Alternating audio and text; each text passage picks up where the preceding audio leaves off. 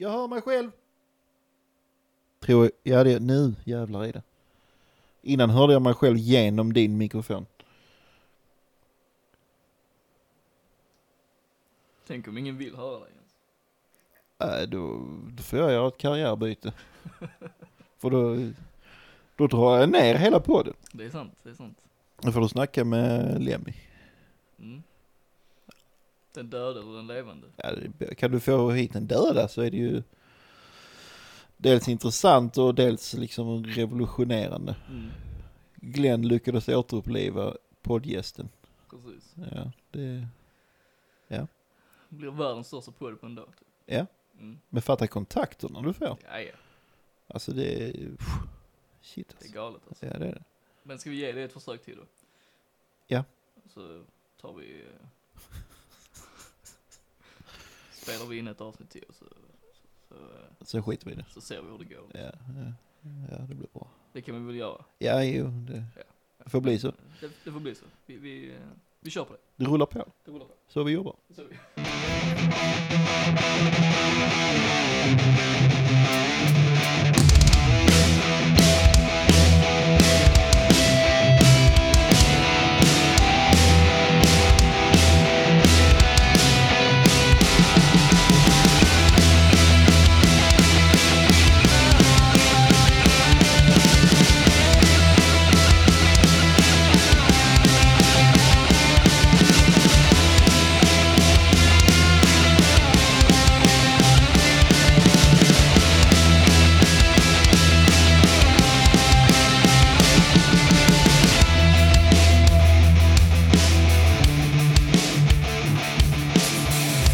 Oh, den var inte med på.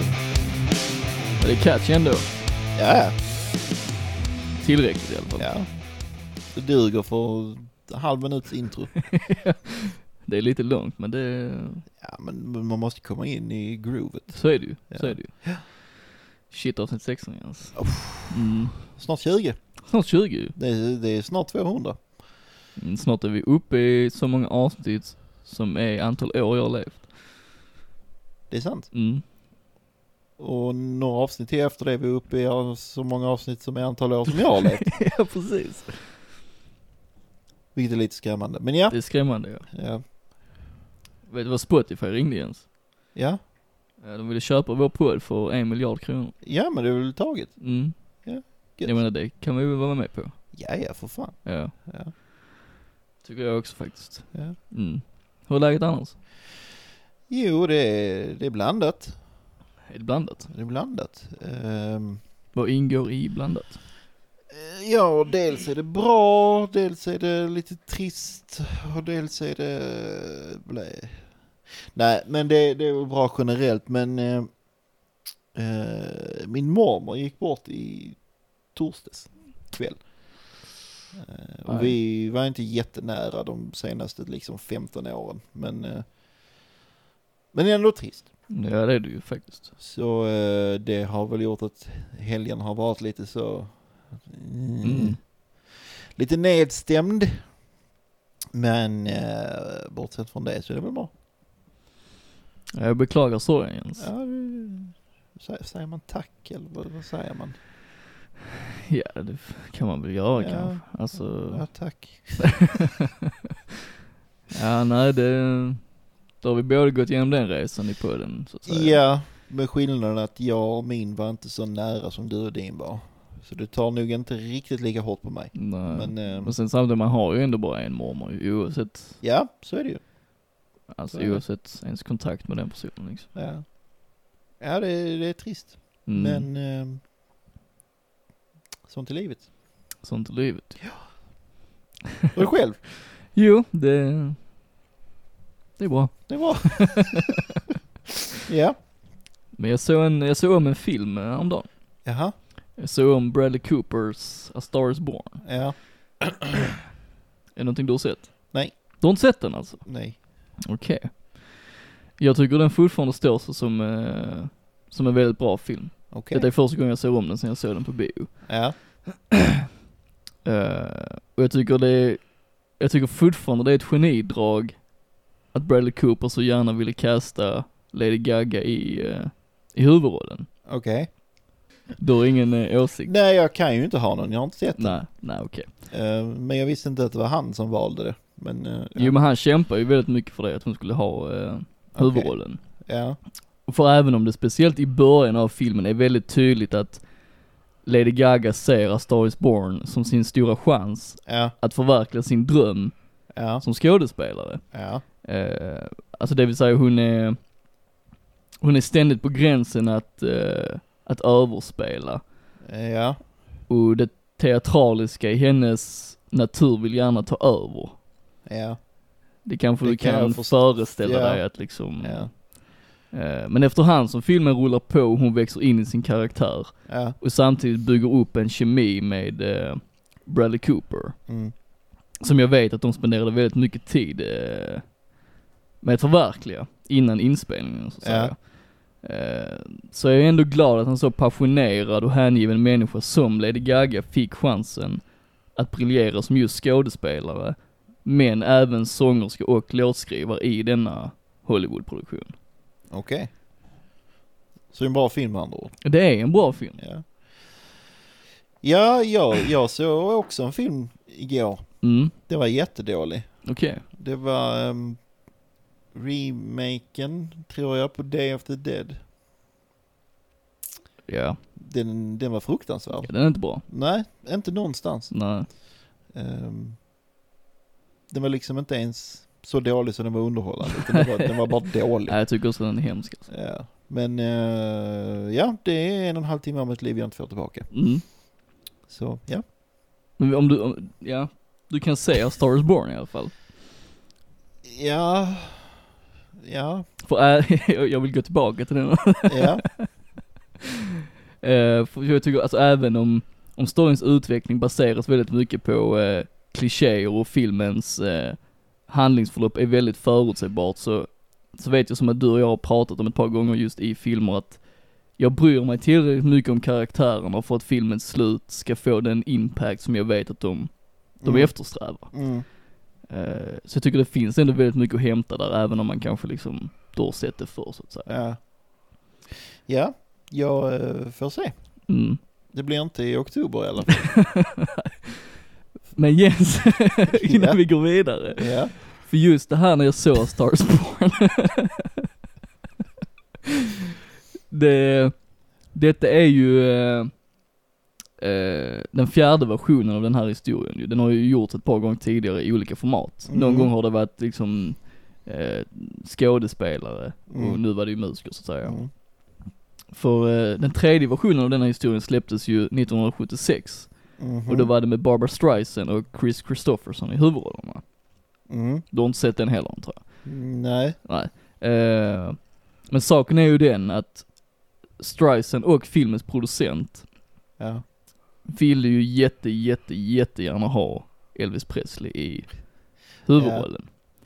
Eh, och bara tanken på det är ju väldigt, det är ju alltså nästan svindlande för mig liksom att, Ja.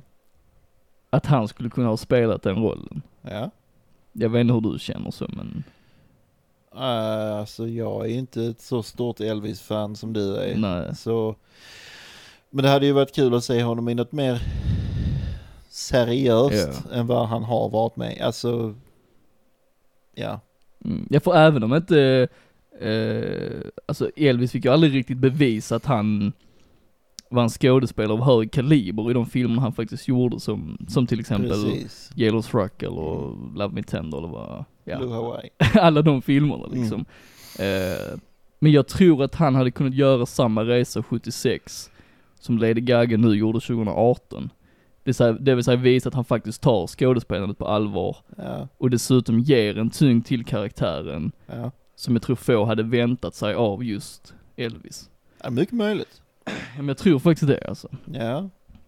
Men eh, ja, hans manager. Tom Parker valde ju att, eh, eller han krävde en väldigt, väldigt, väldigt stor summa pengar Ja, för att. Elvis skulle vara med. Ja, Plus att han ville att Elvis skulle vara det stora affischnamnet trots att han inte gjort en film sedan Ja. 69. ja. Så därav valde de ju att gå vidare med Chris Christopherson. Ja, det eviga problemet. Ja, Pengar. pengar ja. Men det hade varit så, ja, jag tror det hade varit skitbra. Jag tror det kunde bli skitbra med Elvis i rollen faktiskt. Ja, du får nöja dig med Jailhouse Rock då. Ja, men det är inte samma grej alltså. Nej det är det inte. Nej. Inte ens i närheten. Jag bara vet att han hade mer att ge när det kommer till skådespelandet. Ja, Det är nästan säkert. jag var nära på att säga den som lever får se men så är det inte. Nej. Nej. Fast som börjar ju snacka lite nu att de ska börja återuppliva skådespelare och sånt. Det var på tal om att James Dean skulle vara med i någon... Vadå eh, CGI eller? Ja men de har ju gjort det förr ju i Star Wars och sånt med Carrie Fisher och Ja, eh, jo det är sant. han andra snubben, General Hoax eller vad fan han heter. Ja. Ja. Men det är lite så, det är ju inte heller samma grej. Så jag menar, Nej precis, Inte, det, det, alltså det, det går ju inte. Nej, nej. Men, ehm, ja. Men så är det med den saken. Vad skulle du säga Jens? Jag avbröt ju dig ett par gånger. Eh, nej men jag kände väl att jag var klar med min eh, berättelse om den dåliga filmen. Okej. Alltså jag har inte så mycket mer att tillägga. Nej, Jo, just det. Jag sa att det kommer inte bli i oktober. nej, Och det är, sa jag för att jag och min sambo försöker se en skräckfilm om dagen mm, i hela oktober. mm, Eh, så jag kommer inte se Star is Born i oktober. nej. Kanske i november. Men tänk om det är som en skräckfilm för er. Eller så kan det ju vara. Så kan det vara. Ja. För vi, ja, vi, eh, vi betygsätter dem Mm, och lägger ut på skivbutiken. mm, Försöker liksom få ut det. ja. Det efter det fick ett av mig Ja men jag, och två av Patricia. Ja det är högt. Det är lite väl högt ja. Ja, Så att, ehm, ja. Men eh, ja, det, det, det är mitt filmtittande i oktober. skräckfilm. Ja, Ja, ja. ja men det hör ju till.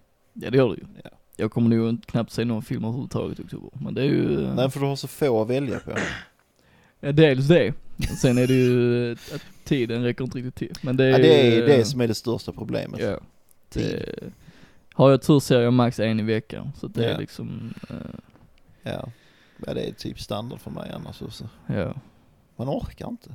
Jag orkar gör jag men jag har mycket annat jag vill göra så då får man Ja, jag, har- prioritera jag har bort det. Alltså. Jag har va- varken ork eller tid. Och skulle jag ha tid så har jag inte ork. Men hur, alltså jag förstår inte riktigt vad du orkar, alltså orkar inte se en film. Nej men alltså, jag är en sån, eh, alltså när jag kommer hem från jobb så orkar jag typ ingenting. Nej, Jag bara går, jag bara går och lägger mig. okej. Ja men alltså inte lägger mig, men jag liksom lägger mig i soffa eller säng eller stol och sen så är jag där till det är dags att sova. Men vadå, du bara, du bara tittar ut i tomma intet bara... Nej men jag brukar typ, nej, nej men det blir typ alltså YouTube-bläddring eller något sånt liksom enkelt. Jag orkar inte koncentrera mig på en film. Oftast. Okej. Ja. Ja. Ja. så, så är det. För mig tror jag, jag tror inte det finns någonting mer avslappnande för mig än att faktiskt se en film. Ja, nej, så kan det vara. Mm. Ja, men, ehm, ja, nej. Men det är ju också så att även, alltså när vi kommer hem från jobb, det, det slutar ju liksom inte där. Det är alltid Nej. någonting man måste göra. Och när man har gjort det så liksom, jag vet inte, film är inte någonting som dyker upp. Nej. Nej, nej men Det, är- det det är vara. helger, om, Mm. om något alls liksom. Ja. Ehm, men ja. Det är inte lätt att vara egenföretagare. men ehm, så är det ju. Ja. Så, är det ju att, faktiskt. eh, ja. Men det kanske blir ändring på det, jag vet inte. Att kolla mer film alltså, inte att jag ska Ja. lägga ner företaget. Men sen vi startade upp den här podden som också är ju ett arbete vid sidan om Mm. också mitt ordinarie arbete så är det ju tiden har ju verkligen liksom, Ja, jo. har ju minskat drastiskt så att säga. Så att, eh, Ja. Och där har ju inte jag, jag gör ju inte lika mycket som du gör. Nej det är ju sant ju. Men jag Så, tänker, eh, ja. om ni nu tar med jobbet hem via ert företag så är det Mm. ju lite samma princip. Ja, typ. Typ, typ, typ, typ. Typ ungefär. Lite snarlikt. Ja. Men Jens, Ja. nu ska vi upp med tempot här lite tänkte Shit! jag och eh, eh, ha lite gladare stämning kanske. Okej, jag är taggad på det. Ja. Tio snabba, vad sägs?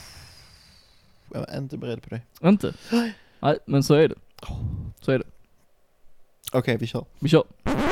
Vem börjar? Du. För jag känner att jag har alltid börjat.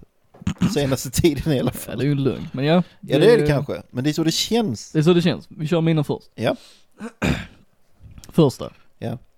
Svenska Akademin eller Svenska Akademin? Eh, Svenska Akademin. Ja, bra svar Jens. Mudvayne eller Mudhoney? Med tanke på att jag inte känner till Mudhoney så Mudvayne. Då blir det det ja. Mm. General Knas eller Governor Andy? Vad fan är nu Governor Andy? Jag känner igen det. Vad är det han gör? Musik. Jo, men är det, är det vad är det? Är det, Ja men det är också lite så reggae, hiphop eh, stuk. Ja eftersom jag är, inte riktigt minns eh, det där så får det väl bli knas. Då blir det Knas. Ja. Agent Orange eller Orange Goblin? alltså, eh, ja Or- Orange Goblin får det bli då. Okej, För att jag gillar inte Agent Orange. då får det bli de andra då. ja, Gillar du dem? Eh, nej men jag tänker på Agent Orange som i eh, konspirations... Eh, eh, pesticides och gifter och sådär. Det var ett hemlig, hemliga uppdrag. Påstådda hemliga uppdrag. Ja. Om det är sant så kan jag ju inte med gott samvete hjälpa det. Men du Välja fan på det. bandet då? Va? På bandet? Ja, Det har jag känt till. Ah, okej. Orange Goblin då? Jag känner inte heller till. Okej. Men jag vet ju att eftersom, om, om jag nu tänker på Agent Orange som i det där, Mm. så måste jag välja det andra. Men om du tänker då, det är i kontext som ett band, vad väljer du då? Ja, Då är det ju kvittare för jag har inte hört Ja någon men du måste ändå välja ju. Ja, men då tar vi det jag sa. Det är ändå Orange Ja, Goblin. vi kör på det. Okej då. De heter ju Goblin. Ja. Det får man ju Det är ju ändå något kul där ju. Coolt vet du fan. jag tycker det är kul. ja, okej, ja. Okej. Melissa Horns söta lilla rara Sara eller Ronny och Ragges rara söta Anna, se kan du inte stanna. Ja. alltså där är ju, där är ju en skillnad i kvalitet. Ja. Men jag har många, många, många, många nostalgiska minnen till Ronny och Ragge så det får bli dem. Okej, Ja. Jag har skivan. Fantastisk. häftigt. Ja, sönderrepen. Kommer nästa då. Mm. Ronny eller Ragge?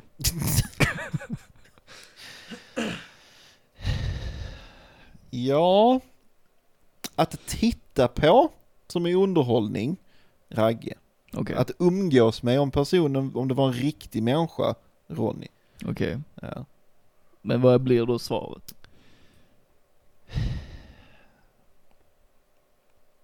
Ragge. Ragge. Mm. Deep Purple eller Deep Valley? Jag vet inte vad Deep Valley är. Okej, Så Deep Purple. Deep Purple. Purr. Sture Allén eller Sture Allén den yngre? Vet inte vem någon av dem är, så vi tar den äldre. Okej. Jungs Let Him Go eller Miriam Bryants None of Us? Jag har inte hört Jung, så jag måste ta Miriam Bryant. Okej. Ja. Okej. Var det alla? Nej, där är en Nej, till. Där är en sista nu här. Buck Cherry eller Wild Cherry? Ja, jag är inte hundra på vem eller vad Buck Cherry är, så det får väl bli Wild Cherry. Då blir det Wild Cherry. Ja. Ja men det är imponerande Jens. Att jag inte visste vem någon, någonting det du frågade var. Exakt. Ja. Jo men jag är inpå på olika sätt. Mm. Så att, eh, Verkligen, alltså. så jag jobbar. Så du jobbar ju. Ja. Är du beredd? Ja men jag är ändå, ändå lite redo faktiskt. Kör vi bara. Ja, exakt. Vit eller svart? Svart. Bad eller dusch? Dusch. It eller It follows? Ja men vad är det då, vilken version av It är det då? Det nya. Bara del 1 eller båda delarna? Båda delarna. För jag tänker att det är en Mm. komplett story. Liksom. Jag gillar It Follows väldigt mycket men den hade sina stora problem. Ja. Detsamma kan jag säga om It, men de största problemen var i Chapter 2. Jo tack. Så att jag ska nog ändå säga It, för jag gillar den första väldigt mycket. Så ja. Att, uh... ja. ja, den är svår för mig också. Ja, den är svår. Jag, ja. Den är svår. Judas Priest eller Black Sabbath? Mm. mm. uh, beroende på dagsform så svarar jag idag Black Sabbath. Original eller nypress? Oftast nypress faktiskt. Okej. Är det en preferens eller är det vad som finns tillgängligt? Blir alltså jag gillar nypress väldigt mycket bara. Ja. Alltså, jag, jag känner liksom aldrig så att jag måste jaga ett original när jag vet att det finns en nypress så att säga. Okej. Ja. Eh, gamla tv-spel eller nya tv-spel? Alltså hur gamla snackar vi då? Ja, så gamla du vill. Ja, alltså jag, jag vet inte. Alltså det är,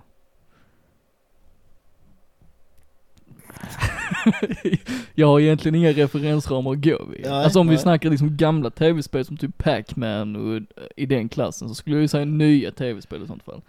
Ja, men om vi snackar gamla tv-spel som i 20 år sedan då? Ja, vad- är det? Okej. Vi kör på nya då. Alltså det jag kan säga annars är ju att jag spelade ju betydligt mer spel för 15 år sedan Ja. än vad jag gör idag. Så i sånt fall har jag ju spelat fler spel som räknas som gamla än nya. Så jag kanske får säga gamla i så fall. Ja. Ja, Men det var väl lite det jag var ute efter. Ja. För jag vet att du inte spelar så mycket nu. Nej, precis. Eh, skriva bok eller skriva musik? Mm. Den är jättesvår att svara på, Mm. för det beror på infallsvinkel. Men eh,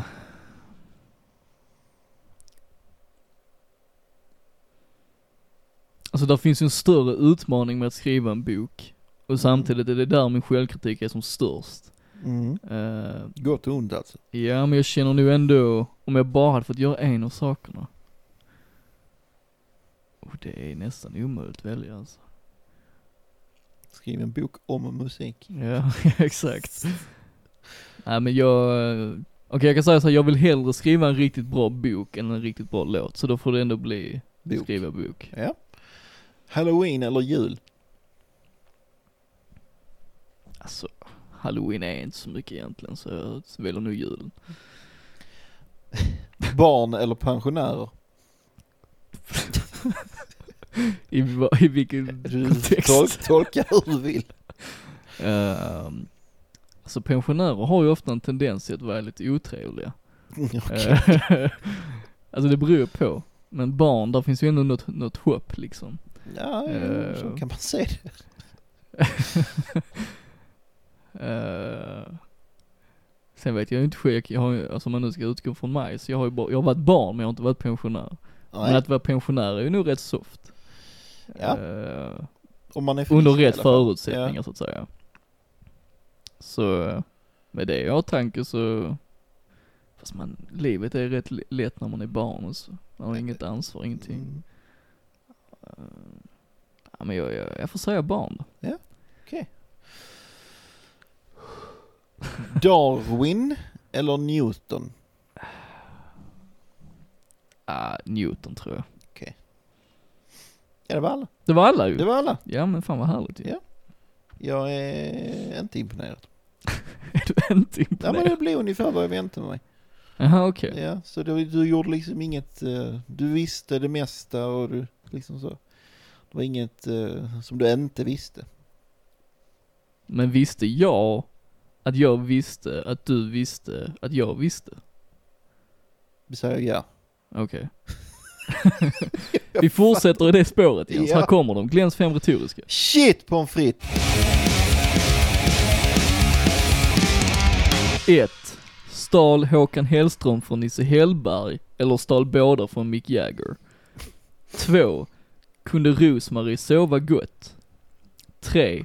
Är Gregory Isaacs låt Mr Cup mer aktuell idag än när den kom? 4. Vad gör Thomas Ledin nu för tiden? 5. Har Veronica Maggio kommit snart?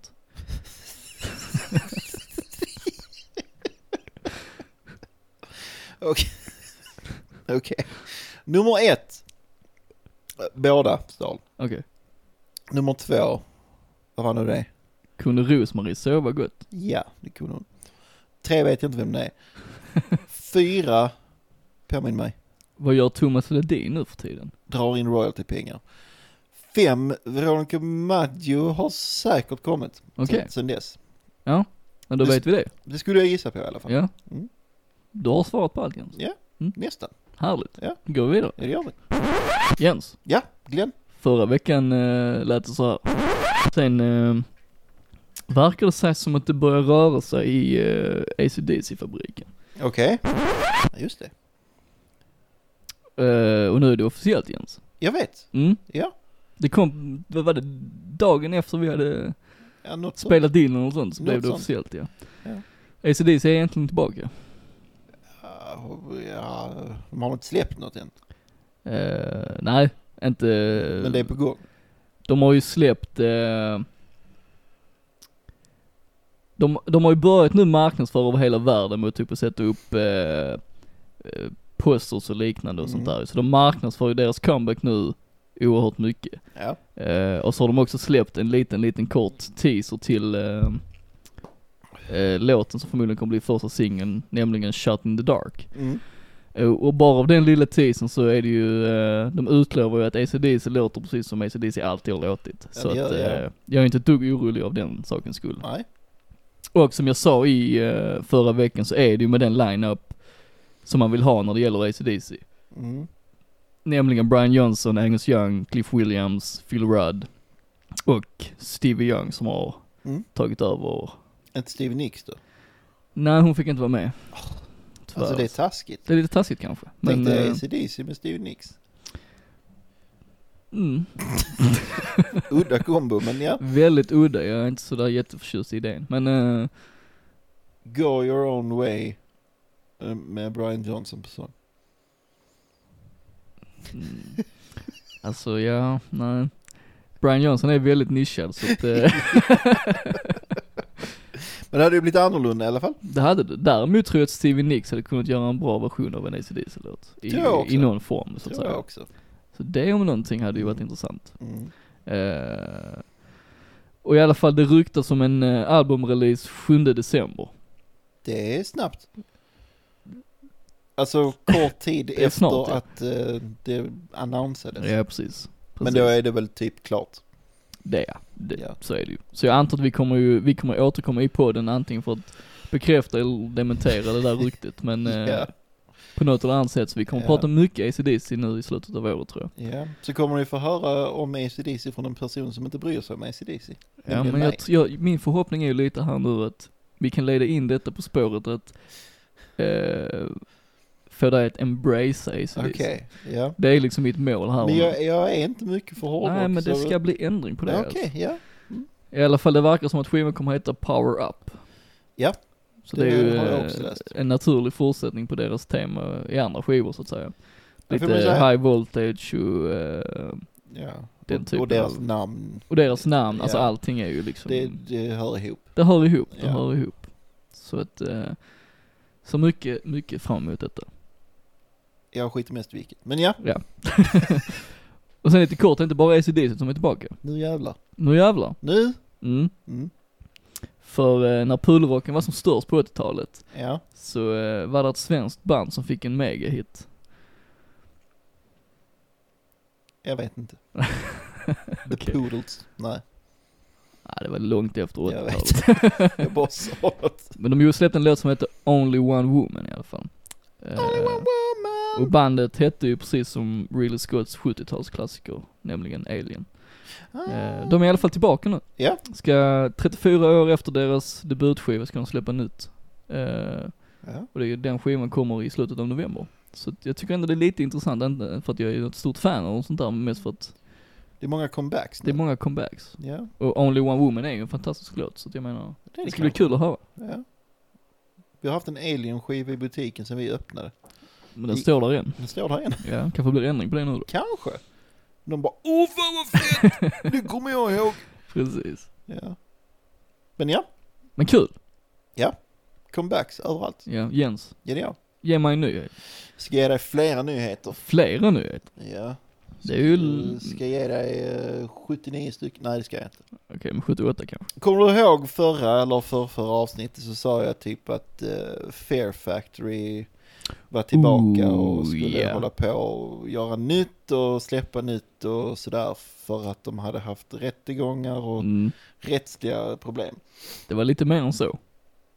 Ja. Mm. Eh, nu har sången hoppat av. så, så det blir väl inte så mycket med det. Nej. Eller så blir det med det men med någon annan. Alltså vad jag läste det så är det att den skivan de ska släppa Mm. kommer ju släppas med Burton C. Bells Ja. sång. Ja det kommer det, Eh. men alltså vad gäller liveframträdanden så blir det ju Precis. lite svårt. Mm. Men vad jag läste av gitarristens uttalande så kommer han ju fortsätta med eller utan honom. Ja, Eh, så uppfattar jag också. Sen vad man tycker om det, det vet jag inte men Nej, men eh, så som jag förstår det är inte sångaren instrumental i låtskrivandet där, nej. utan han sjunger mest.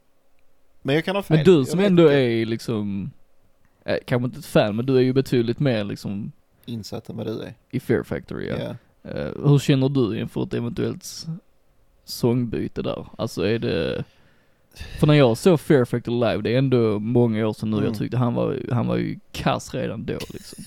Så jag menar egentligen, jag tror bara de kan vinna på detta i längden så att säga. Alltså, Men jag, är jag ju inget fan heller så att jag, Nej, jag har inte sett dem live, jag kan ju bara döma från studioinspelningar. Ja. Men alltså, vi, han, han, har, han har starka sidor, han har svaga sidor. jo men så är det ju, så är det ju. Eh, På skiva tycker jag, han stundtals låter riktigt jävla bra ju. Ja, det är ju det. Han Ja. kan göra det. Precis. Men sen är det ju andra gånger då det känns som att varför sjunger du? Exakt. Varför kunde du gjort något annat? Ja. Ehm, men ja, alltså det, det kan, ju, kan ju potentiellt lyfta bandet. Mm. Men det, blir, det kommer ju inte bli samma sak. Men Nej. det kan, det kan också vara positivt. Du ser, kolla AC/DC. Va? Ja, du menar innan? eh, Ja det är väl ett av de mest lyckade sångbytena. Ja, ja. Precis. Ja men precis, det kan ju Mm. funka. Eh, och sen är jag ingen sån här superfan heller, utan Nej. det är mycket, mycket nostalgi. Mm. Men om jag förstod det rätt, hela tillvägagångssättet hur han valde att hoppa av var ju sinnessjukt respektlöst. Alltså, han hade ju inte ens pratat med bandmedlemmarna ju. Bara typ så, nej jag, eh, jag drar nu. Han Så- bara, han bara lämnade ett statement på Ja. eh, internet och sen bara, Ja. sen var det inte ens med bandet först. Det är helt, alltså helt efter, efter 30 år ihop liksom. Ja, det, är bara, det, det, det är märkligt. är jättemärkligt Men alltså. eh, de är väl sura på varandra eller något. ja. Det påminner mig när den tredje sångaren i Crash Diet Mm. valde att hoppa av. Då skulle de ha en turné i eh, Japan tror jag det var. Mm. Han, han valde bara att inte dyka upp. Det är så hårt Ja men det är alltså. så jävla sjukt alltså. Ja, det är jävligt taskigt. Ja men det är det, det är det. Jag kan, nej inte ens, alltså har man en turné. Alltså Så till och med en man turné liksom- inbokad liksom. De Ja. andra är på plats, han bara skiter i att dyka nej, pallar inte. Det är att kolla på Netflix, tyvärr. Exakt. Det, Ja det, det är fruktansvärt det, faktiskt. det blir inget. Nej. Eh, nej, det är, men ja, du- ja. Det, folk blir sura på varandra Mm. i band och sen bara man. Ja, men man tycker man får ändå behålla respekten på något sätt. man tycker ju det. Mm. Men ja, Tydligen inte. tydligen inte. Nej. Machine Head, Ja. det är ett band Mm. som har haft medlemmar som inte längre är med. Eh, Phil Demmel, deras tidigare gitarrist, eh, som hoppade av för typ fyra år sedan. Mm. Eh, han har, om jag förstod det rätt så var han med i någon podd där han snackade lite mer eh, om, om det där. Mm. Eh, och liksom efter första året där så var det mycket typ, inte skitsnack, men inte, inte så mycket positivt. Mm. Eh, men nu är han lite mer så, berättar mer när, när man inte är i det. Det har Liksom. lagt sig det lite har lagt sig lite, Mm. ja, och mer eh, seriöst om det. Ja. Och det kan vara en intressant läsning för Mm. den som bryr sig om Machine Head. Vilket jag, Du menar att du ska läsa vad han har sagt i podden, eller? nej, jag, jag uppmanar våra lyssnare till att läsa för att det är mycket. Ja. Men han var med i en podd sa du? Jag har för mig att han... Kan man inte bara det- lyssna på avsnittet annars kanske? Eller? Jo men de länkar inte till det. Inte i den här Ah, artikeln okej. i alla fall. Ehm, men jag kan ha det kan vara någon annan som var med. Jag vet Ja. inte. poängen är, han har, det står vad han har sagt. Ja. Ehm, Eller var det någonting väsentligt du fick ut av det då liksom? Alltså bara något exempel? Ja, att eh, alltså, som jag sa, det var i början så var det mycket så att säga skitsnack. Ja. Och nu har det lagt sig, så nu får man ju en, en tydligare inblick i liksom vad det var som gjorde Mm. det. Och det, är ju, det var ju liksom interna tjafs och han tyckte att eh, eh, Rob Flynn hade liksom det var inte längre ett band Mm. utan det var, det var han som styrde allting. Mm. Och- Men redan då, alltså när de hoppade av så gick väl Rob Flynn ut och sa exakt det, att han hade liksom, att han inte bjöd in de andra och sånt, att han var liksom det stora problemet. För det vill jag minnas att han gjorde. Mm, Det, minns inte jag, Nej, okej. men så kan det mycket väl Jag vara. för mig han gjorde det faktiskt. Ja, och det är ju, alltså jag, jag, jag förstår honom. Mm. Alltså Phil då. Jag förstår båda två. Ja, faktiskt.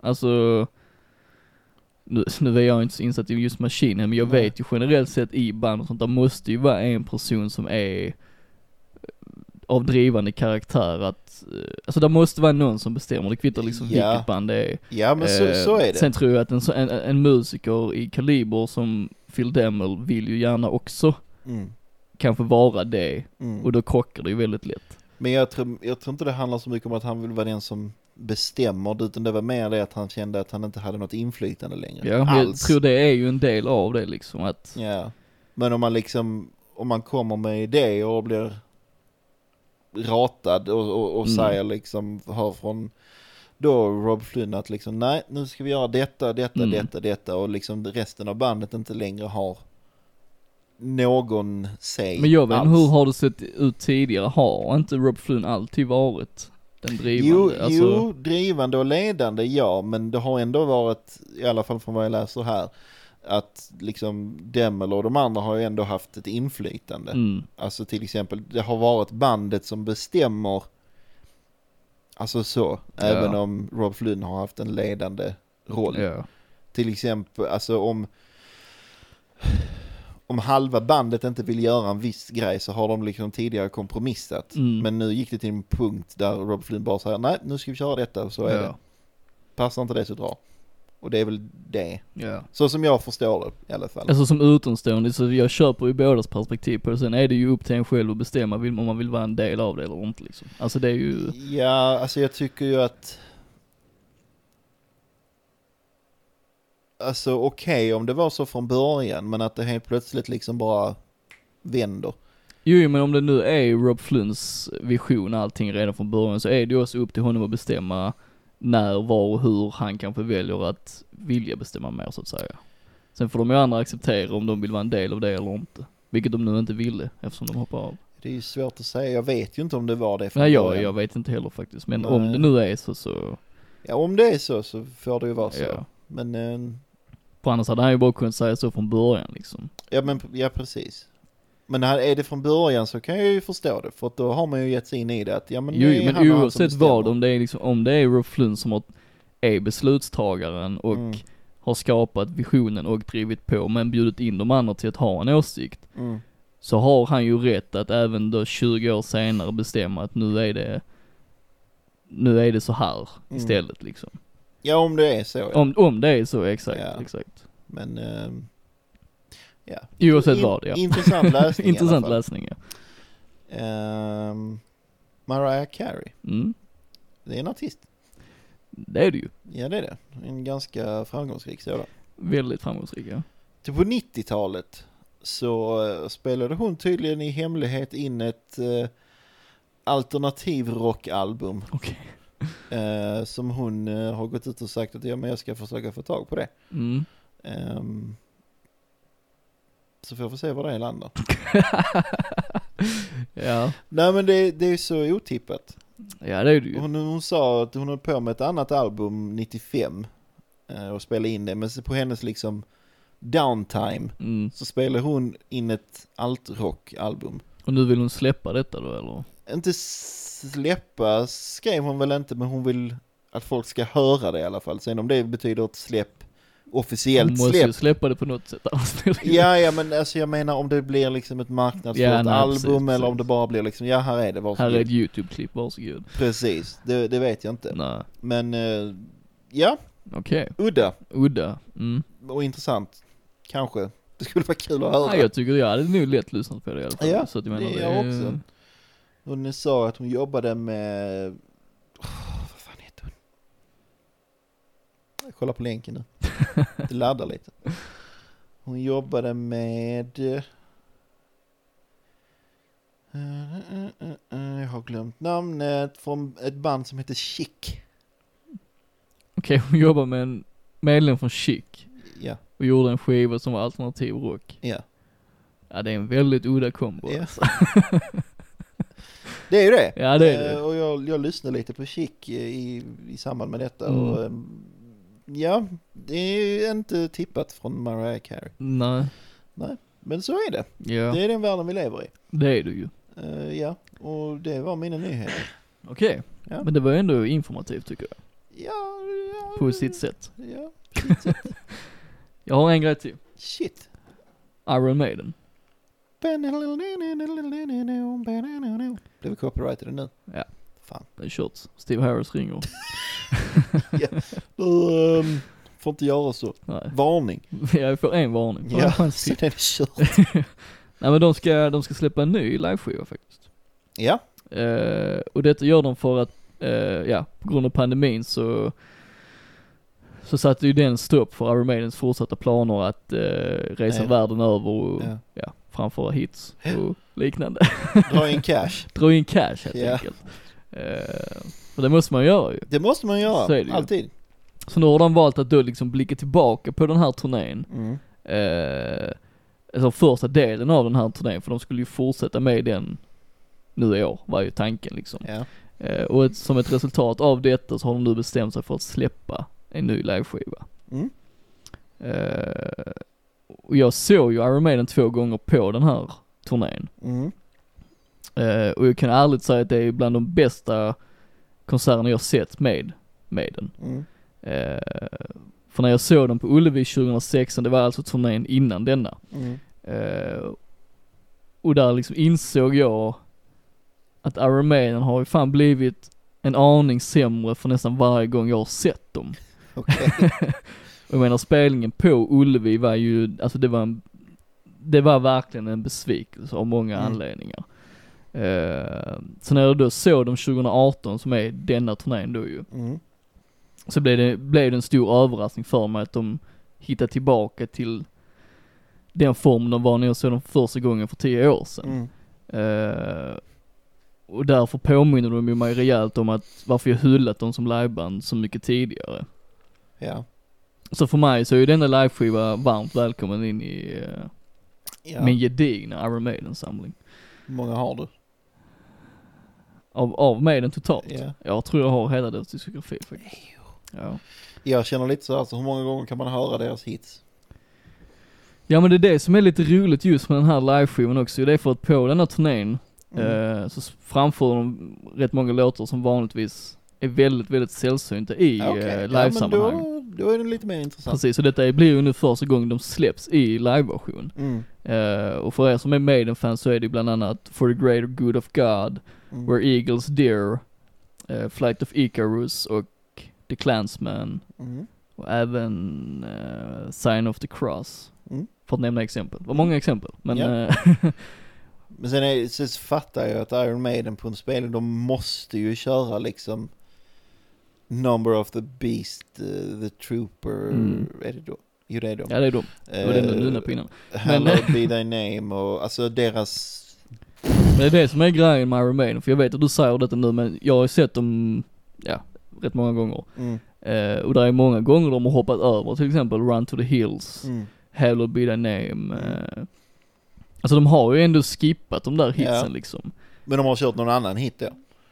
Ja, men de har ju så många hits så det, är Ja. klart att, det är klart att dyker upp någon ju så att Ja. säga. Men jag tycker ändå de har ändå fokuserat väldigt mycket på att ta låtar som kanske för gemene man inte är Mm. särskilt känd som till exempel For the Greater Good of God. Mm. För den vet jag att du inte har hört. Ja, det har jag inte. jag tror inte du har hört någon av dem jag rabblade upp. Jag har inte hört Son of the Seven, Seven Son of the Seven Son heller. Skivan, så att Mm. säga. Nej, det är ju, den är en bra skiva Jens. Folk säger det. Ja men det är det därför jag tar faktiskt. upp den. Ja.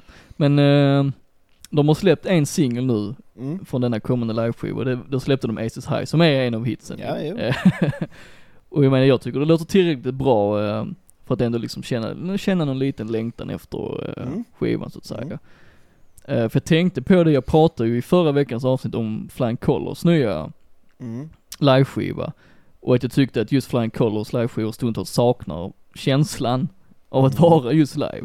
Mm. Eh, och då speciellt att förkapsla energin och närvaron. Mm. Eh, men Iron Maiden tycker jag brukar vara väldigt bra på att göra just detta. Ja. Eh, sen när det gäller Maidens liveskivor så återvänder jag ofta till Rockin' Rio som de släppte direkt efter eh, Brave New World som var återföreningsskivan med eh, Bruce Dickinson. Mm. Eh, och Brave New World är ju också min favoritskiva med Maiden. Så just den liveskivan är ju komplett för mig. Ja. Alltså just i sound och låtval och Ja. den är bara så perfekt. Ja. Eh, så sen dess har det ju kommit säkert, ja, sex, sju liveskivor till. ja, jo. Så det är lite samma som i fallet med Flying Colors, att behöver vi verkligen en till? Men Mm. eftersom att jag gillar dem så mycket på den turnén 2018 så känner jag mig ändå, jag är intresserad av att höra, höra denna i sin helhet. Ja. Eh, Så 20 november släpper Iron Maiden Knights of the Dead, Legacy of the Beast, live in Mexico City. Lång Okej. titel. Väldigt lång tid. Men detta är också första gången de släpper en liveskiva som är inspelad i just Mexiko. Ja. Eh, och kan man sin Maiden så vet man ju hur galna de är i Mexiko när det gäller Iron Maiden. Så det är också en Okej. intressant aspekt av det. ja. Ja, men det är ju bra. Det bådar ju väl för Ja. Ma- Maidens... Vad heter Iron Maiden-fans? Uh, Ma- jag vet har de något namn Nej, jag ens? vet inte. Maidens. Maidenheads kanske? Maid. Maidenheads. Irons. Michael Irons. Michael Ja. Ironside heter de. Ja, han lever fortfarande va? Jag tror det. Ja, det tror gör han. Han är nog inte ung. Han är gammal alltså. Men han har, han har bra röst. Det har han. Det har han verkligen Det har han. alltså. Ehm. Men ja, ingen Men, aning. va? Han får höra av sig om han känner för rätt röst. Ja, i alla fall. Spännande. Ja. Så det var allt som var nytt för denna vecka Jens. Ja, det var det inte. Men det var alltså var nytt av det vi valde. Ja, men eh, du vet kanon i podden. Det Ja. vi säger är det som räknas. Så, att, är det eh, ju, så är det. Mm. Mm. Då går vi vidare. Det gör vi. Jens. Ja. 1968. Då var jag inte född. Nej. Nej. Inte jag heller faktiskt. Nej. Många av våra lyssnare var kanske inte heller födda. Jag vet att en av dem var.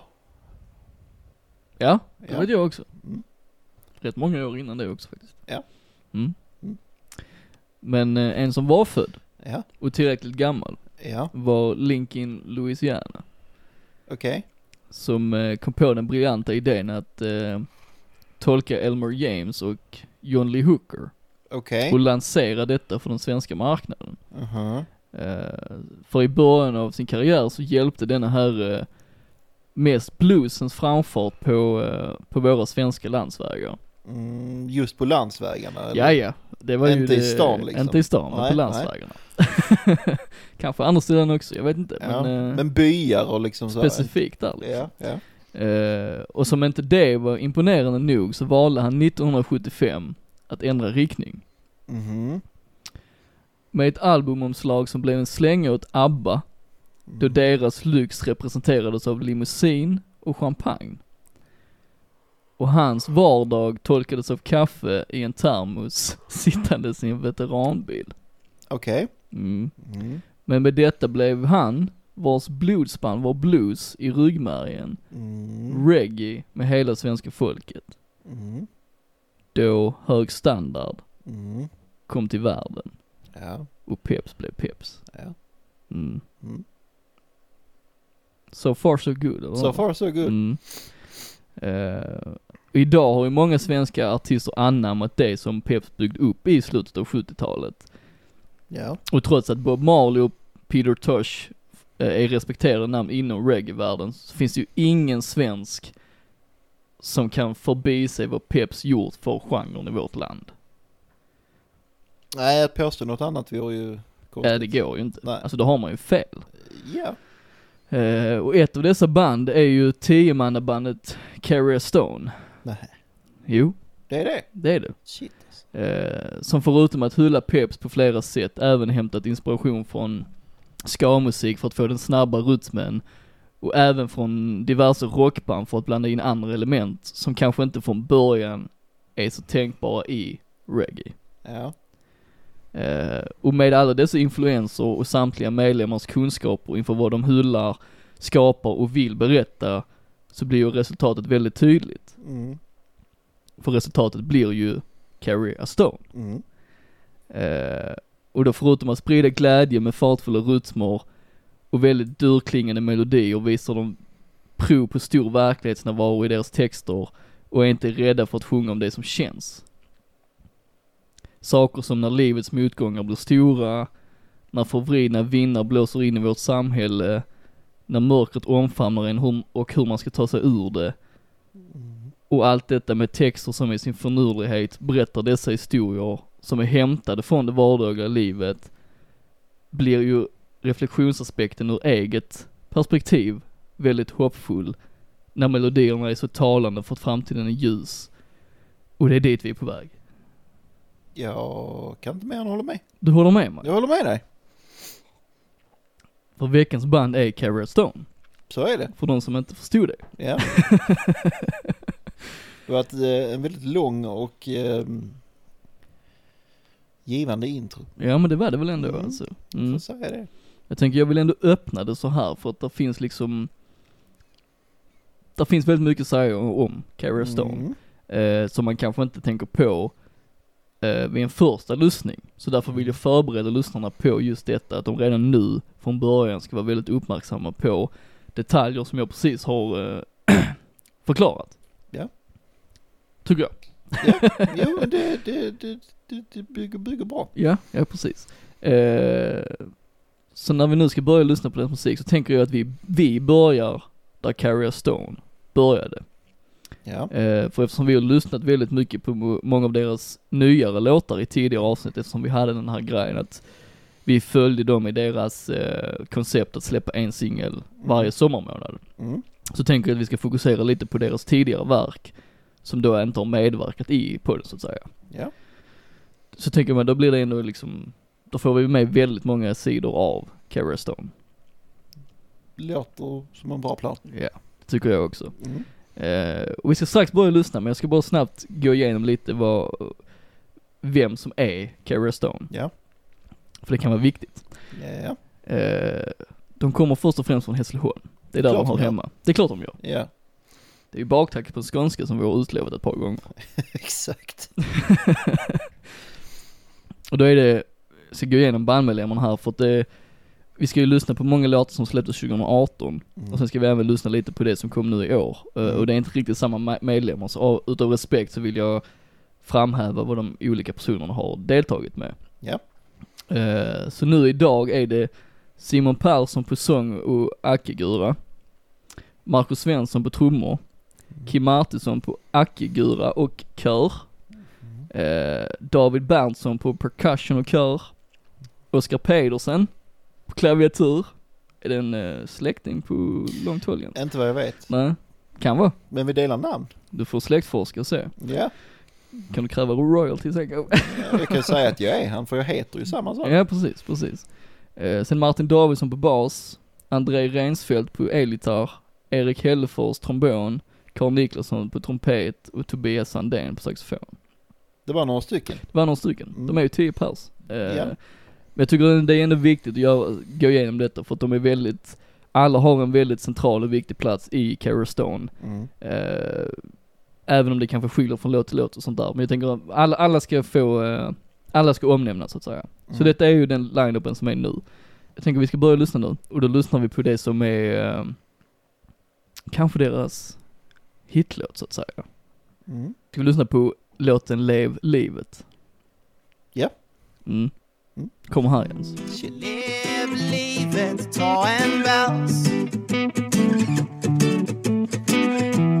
Lev livet, ta en vals.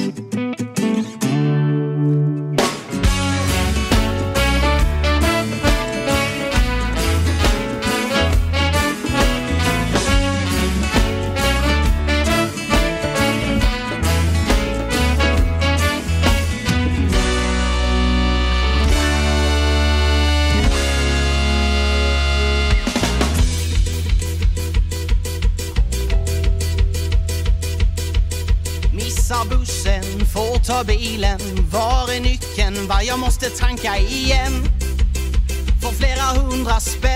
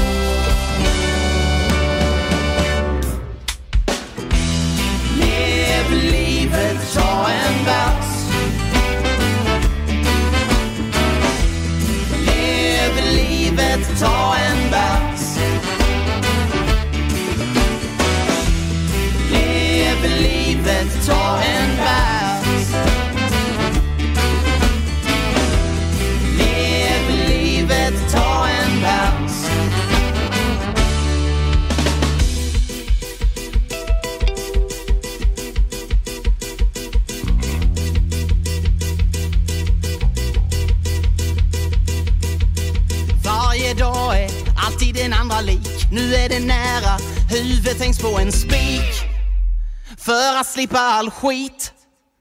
För att slippa all skit. Ingen rast, ingen ro, bara stress. Hjärnan spelar mig spratt.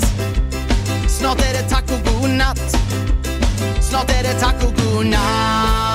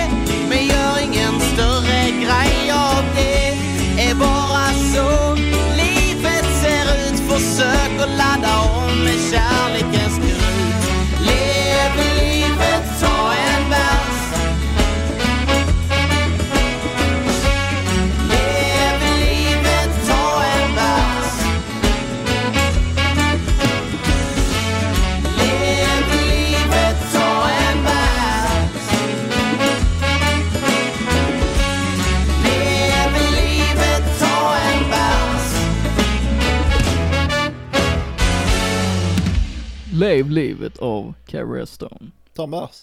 Ta en bärs Mm. och lev livet. Ja.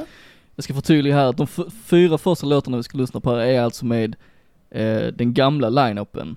Mm. Alltså inte den jag räknade upp nu precis innan. Eh, så jag Okej. tänker att vi ska bara gå igenom det snabbt innan vi börjar diskutera musiken. Och då är det Simon Persson på sång och gitarr, Mm. Marcus Svensson trummor, Kim Martinsson gitarr kör, David Berntsson percussion kör, Erik Hellefors trombon, Carl Niklasson trumpet, Ronny Ringius på bas, som också var med i Siro som vi har pratat om ju. Ja. Eh, Jakob Gustafsson klaviatur, Gustav Jarnernäs saxofon, Jesper Pansar elgitarr.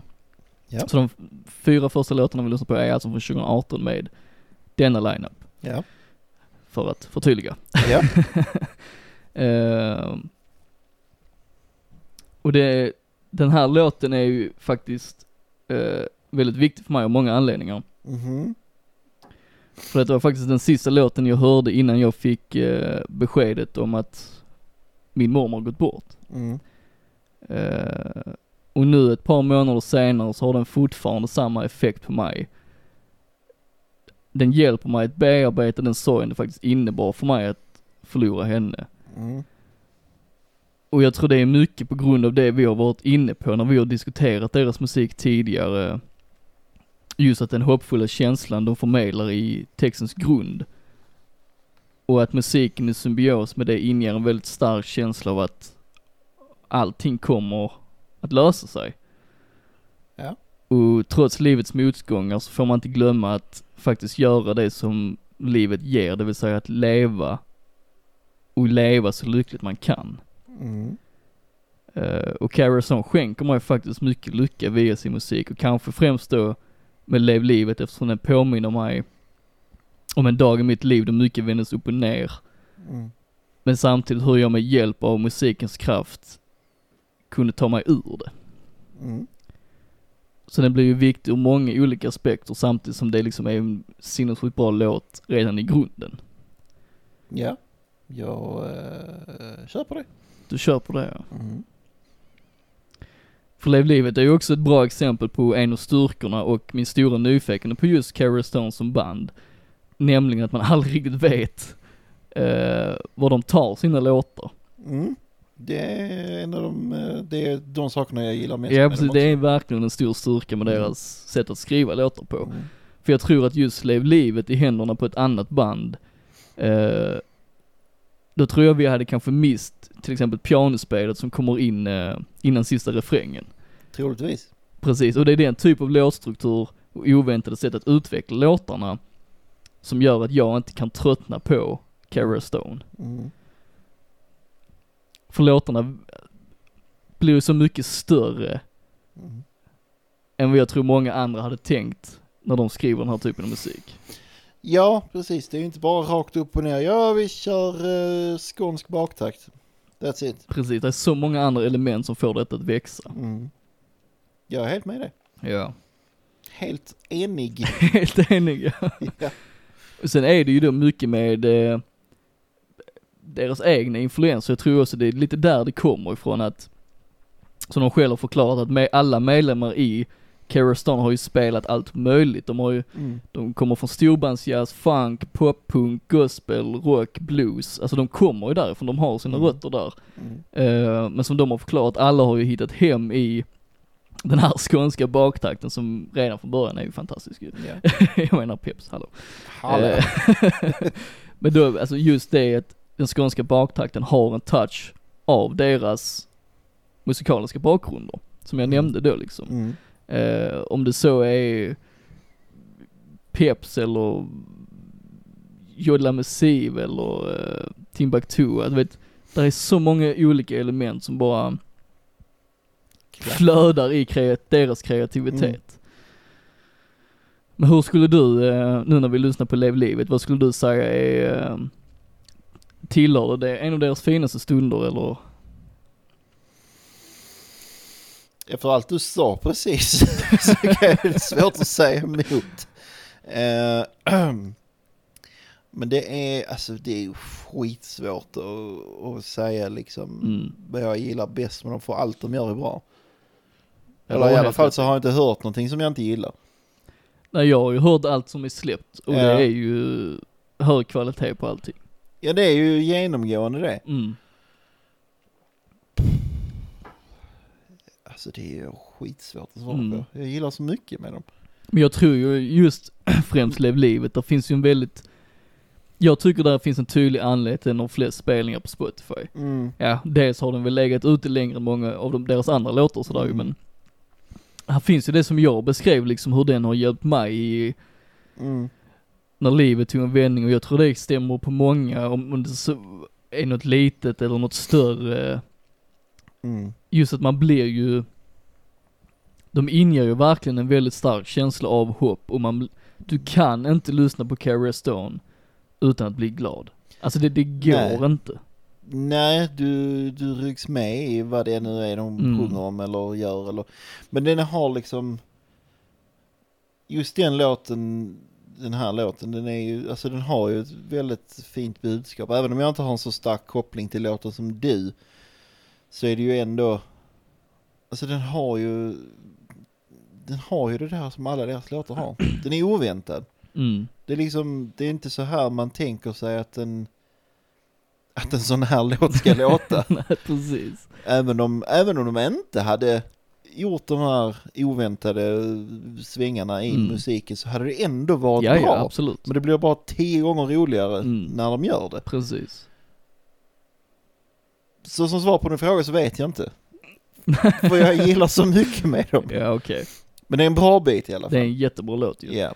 Eh, och jag tror just också det som är liksom det hoppfulla om man nu tänker liksom att ja visst, det musikaliska är ju också väldigt hoppfullt för det är väldigt glatt Mm. i melodier och så vidare. Men jag tror också att just att Simon Persson då som sjunger och jag tror är främsta textförfattaren i Mm. bandet, kommer ju väldigt mycket från eh, vemod, sorg och har Mm. en väldigt liksom, hans syn på världen liksom. Mm. Och han själv liksom utgår från det, Mm. men samtidigt också inger sig själv väldigt stort hopp när han väljer att skriva om det. Ja. Och jag tror det är därför det blir så starkt just för mig i det exemplet jag då nämnde tidigare.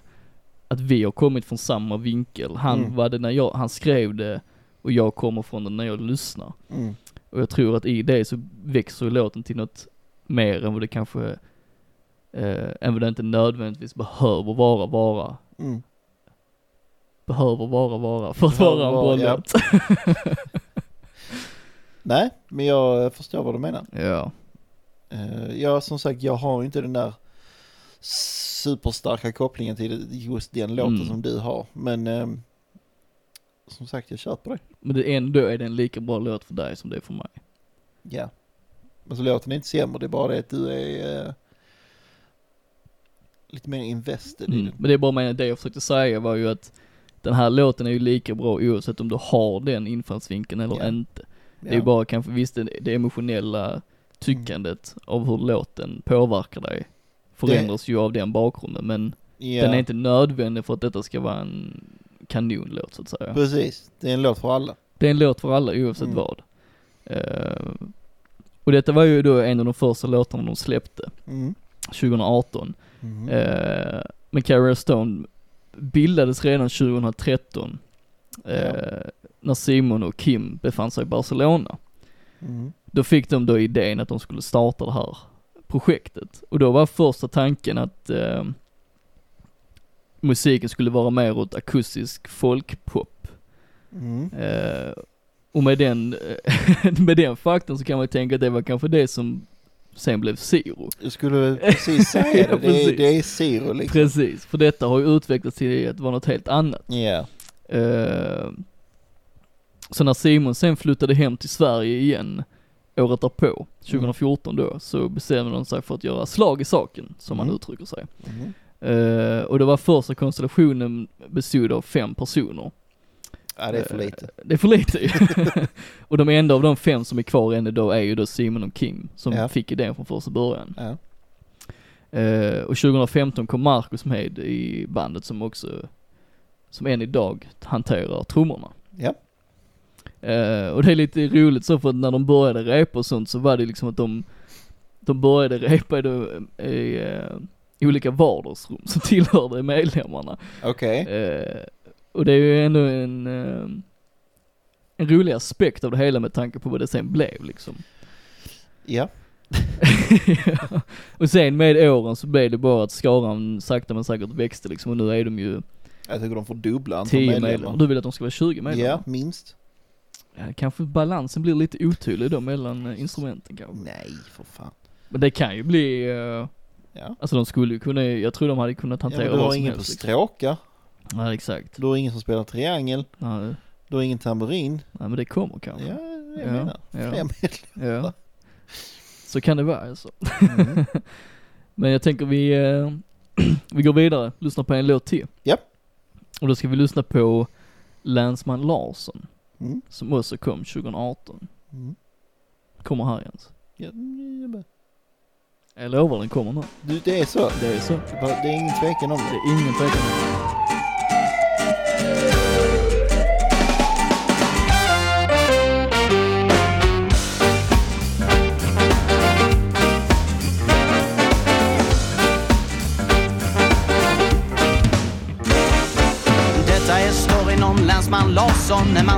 Gränser i varje sak Han är. Uppe med tuppen, det var han som galenskans ihop Ja, ni har inget val, hans rutiner går på allt. Och män drömmer som en pilot. Tar sockermjölk till kaffet och rör med en pistol. Ingenting kan rubba denna mans ideal. Han skriven i sten, alltid har han ett svar.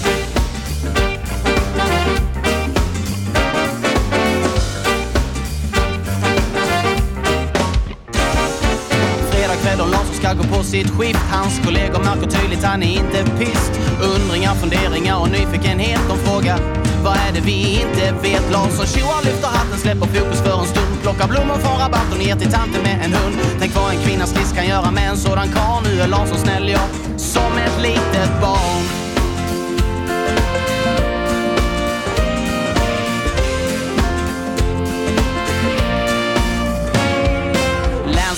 Länsman, Larsson Han är länsman, länsman Larsson. Länsman, länsman Larsson Han gör sin grej, sätter bojor på dig Länsman, länsman Larsson Han är länsman, länsman Larsson. Länsman, länsman Larsson Hans posse ihop, han sätter stopp för din kupp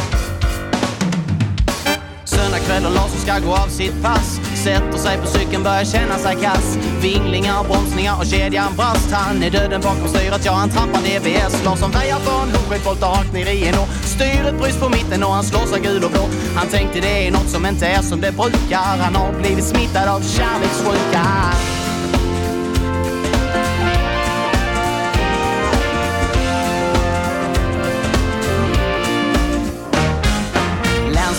Länsman, Larsson Han är länsman, länsman Larsson.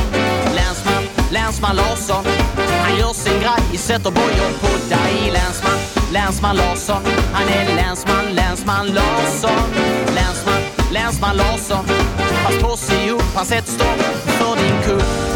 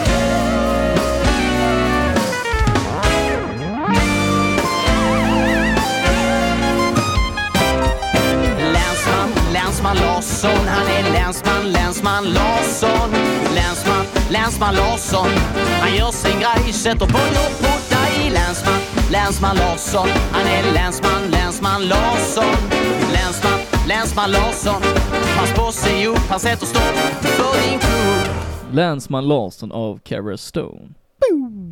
Ja, fett nice. Fett nice ju. Ja, Detta är ju typ som om, eh, som en blandning av eh, ett Disney-soundtrack och Svenska Akademin. Lite så. Mm. Jag bara ser framför mig typ hur katterna och Aristocats går runt och dansar och sånt där. Ja men lite Men det är lite så. den där, den, den lättfulla stämningen och liksom hur Ja. alla, alla olika instrument liksom, eh, Ja. Men den, den tar liksom en, en annars ganska eh, tråkig story mm, och gör väldigt intressant. precis. För storyn är ju lite, det för tankarna till, eh, för mig när eh, Sture Allén den yngre, som du inte visste vem det var i 10 snabba, Mm. eh, när han gjorde en svensk version av Gregory Isaacs Mr. Cup, som också var med i Som jag inte heller visste de retoriska. Nej, precis. det är bra att jag kommer med den eh, jämförelsen nu. Ja, När jag ja. har faktan att du inte vet vad det är. Ja. Men ehm, mycket de som lyssnar mig. vet kanske. Men Ja. oavsett vad, det är lite samma, du vet, temat är lite samma. Men eh, det som då kanske skiljer just Cara Stones Länsman Larsson mot Sture Allén den yngres version av Mr. Crop som han valde att döpa till Farbror Blå är ju hur de väljer att utveckla den här låten. För det som händer här i slutet, när du börjar lyssna på Länsman Larsson så kan du inte på något sätt förutse att det är så här låten kommer att utvecklas. Ja, det är ett genomgående tema. Det är ett genomgående tema i deras låtar. Mm. Och det är bra. Det är gillar jag. jättebra. För han, alltså Länsman Larsson hade ju, om du plockar bort de beståndsdelarna så hade detta bara kunnat vara en låt som kommer och går och sen glömmer du bort den liksom. Mm. Men jag menar jag, den här låten den sätter ju sig direkt i mitt huvud Mm. och jag kommer aldrig glömma den. Mm. Och det är också så att varje gång jag lyssnar på den så är jag alltid lika oförberedd på det momentet som kommer Ja. i slutet av låten liksom. Ja. Det låter lite som min eh, sambo när det gäller skräckfilmer. Okej. Hon vet om att det kommer att hända. Och hoppar till ändå. Du tänker på jump scares effekt Ja. i skräckfilm? Ja. Ja. Lite så är du med Cara Stone. Du vet om det. Ja, man vet att det Men kommer du blir hända ändå någonting. men glatt det, överraskad när det Precis, händer. precis. Ja. Jo men det, ja. Men det kommer väl förmodligen mycket från att de själva är väldigt nyfikna på hur de kan utveckla väldigt simpla låtar i grunden och göra något som är, Troligtvis ja. Annars blir det inte så. nej för det är ju deras nyfikenhet på det som lyser igenom ju, Mm. som gör att det blir roligt att lyssna på också. Ja. Ja, som du sa man kan inte bli annat än på gott humör. Nej, så det gäller ju här också ju, alltså Ja. precis som i, i Le- Lev livet liksom. Ja. Sen tycker jag ju att om man nu ska dra paralleller mellan Länsman Larsson och Lev livet, Mm. eh, förutom att deras förkortningar blir LL båda två. Det är en likhet. Ja. Men eh, då är ju denna, den är ju betydligt mer lättsam i tonen. ja men det. Eh, och det är det som också är en grej med Carriston, att de behöver inte alltid vara väldigt framhävande i eh, kanske någon sorts vemod eller eh, alltså någon sorg eller så vidare, utan de kan också bara liksom nu är det ju inte det heller för Länsman Larsson kan ju tolkas på många sätt ju. Ja. Men du kan också lyssna på den här låten och bara tänka att detta är en jävligt catchy låt. Mhm. Eh, vilket jag vet, ja det funkar i Lev livet också, många av deras andra låtar, men jag tror Ja. ändå att där är ändå låtens tema betydligt mer stark och framhävande. Ja, Så det är inte lika enkelt att förbise det som det kanske är här. precis. Men de har, ja, alltså varje låt är intressant men text kan ju göra mycket. Precis, Alltså som du säger, den här låten är catchy och bra oavsett. exakt. Men den har ju inte samma Ja, de får mörda mig om jag har fel. Men det har ju ingen mening med låten. Den är ju inte... Jag kan i alla fall inte sitta och hitta något djupt uh, genomgående... Någon, någon, någonting att ta till sig. Det här är bara historien om Länsman Larsson. Mm. Det det, Gjord på ett jävligt bra sätt. Ja. Så för dig är det verkligen bara en catchy låt som inte behöver säga mer än det egentligen. Ja, Oavsett vad de har försökt uttrycka Ja. liksom. Mm. som sagt, de får mörda mig om jag har fel. de kommer Det mörda kanske dig, är jättedjup, jag Ja. vet inte. Ja. Men så uppfattar inte jag den. Men Nej. det gör inget. Nej men det är det som är För grejen. den är De, en fet låt oavsett. de kan göra både och oavsett vad. Alltså hur du än väljer att motta deras Ja. musik så finns det alltid någonting att hämta. Ja, Om det så finns ett djup eller om det inte finns det. exakt. För det är tillräckligt bra redan i grunden att Ja, oavsett vad så funkar det. ja, Eh, för deras ambition redan från början har ju alltid varit att, att skriva musik som sprider glädje, det har de ju lyckats med. precis, och även hopp. Och det Och det. de här elementen finns ju genomgående i alla deras låtar. Ja, Eh, om man då tar Länsman Larsson som skänker dig väldigt mycket glädje och Lev livet som skänker mig väldigt mycket hopp. Ja. Eh, och då har vi ändå bara lyssnat på två av låtar än så länge jag menar det, det är tydligt, ja, i alla deras låtar på ett eller annat sätt. ja. Det skiner igenom. Precis, och det är som de själva säger, de vill ju samtidigt som de vill sprida den här glädjen och göra musik som är väldigt fartfullt och så vidare, så vill de ju gärna lyfta svåra och viktiga ämnen. Mm. Som till, till exempel psykisk ohälsa och så, och så vidare. Mm. Eh, och det var det jag var inne på innan då kanske med Simons infallsvinklar, att han kom från det hållet, jag kom från det Mm. hållet och det blir, det blir en Men det är ju ingenting som säger att man måste heaven, behandla psykisk ohälsa som något negativt. Alltså, man behöver inte göra en skitsorglig låt Nej. bara för att det handlar om någonting Precis, tråkigt. men jag tror anledningen till att det funkar i Karen Stones fall är för att de kommer från att det är väldigt, eh, förmodligen har varit väldigt smärtsamt i grunden. Ja. Och att de själva har vinkeln på det, att det ska bli bättre. Mm. För du kan också göra som, som vi har varit inne på förr, som Melissa Horn, och Mm. bara skriva utifrån sorgen. Mm. Och då kommer du ta emot det på ett helt annat sätt. Ja. Eftersom både musiken och texten är väldigt vemodig i sig. Mm. Men Cara Stone går ju lite på andra hållet så att säga. Även om grunden förmodligen är samma både för Cara Stone och Melissa Horn så att säga. Precis. Men det är också ett tecken på att de gör saker som är oväntade. Det är ju oväntat i sig såklart Ja, ju. Det är det ju det, verkligen. det är bara positivt. Det är bara positivt. Uh, och som de själva sa också att deras ambition har ju förändrats väldigt mycket just det för att de har gått från att repa i vardagsrum ja. till att hela tiden spela på större, större scener. Mm.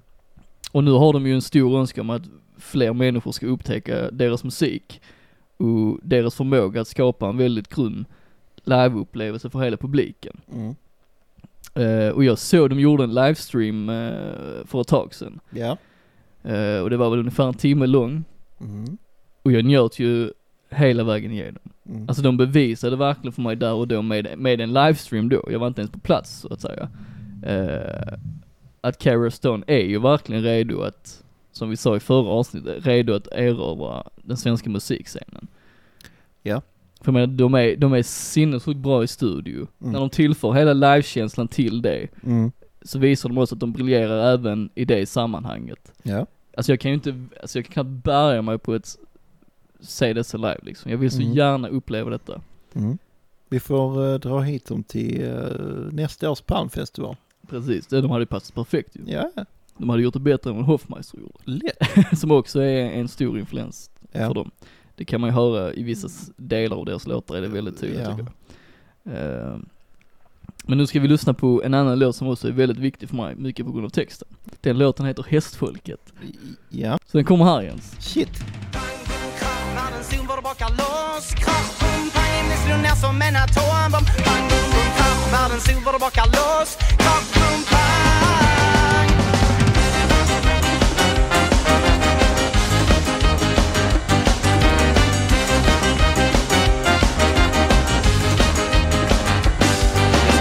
måste ta skydd Vi måste fly från det hemska som kommer från skyn vi fick syn på ett stall och kämpa oss dit och tänkte nu kommer vi snart till säkerhet.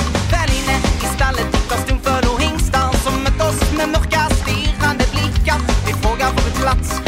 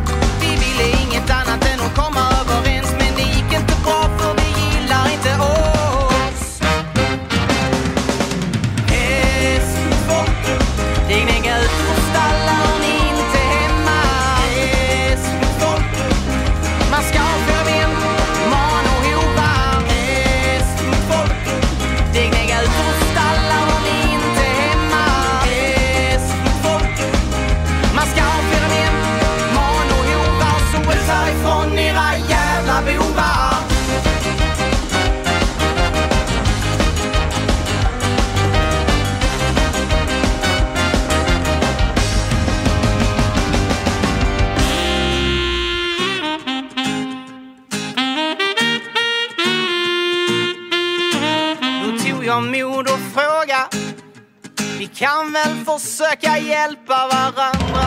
Ni har händer, ni har hovar och jag lovar och svär vi är inga bovar. Ni behöver hjälp att få på er skorna. Inga problem, det ordnar jag. Vi vill bo här i harmoni,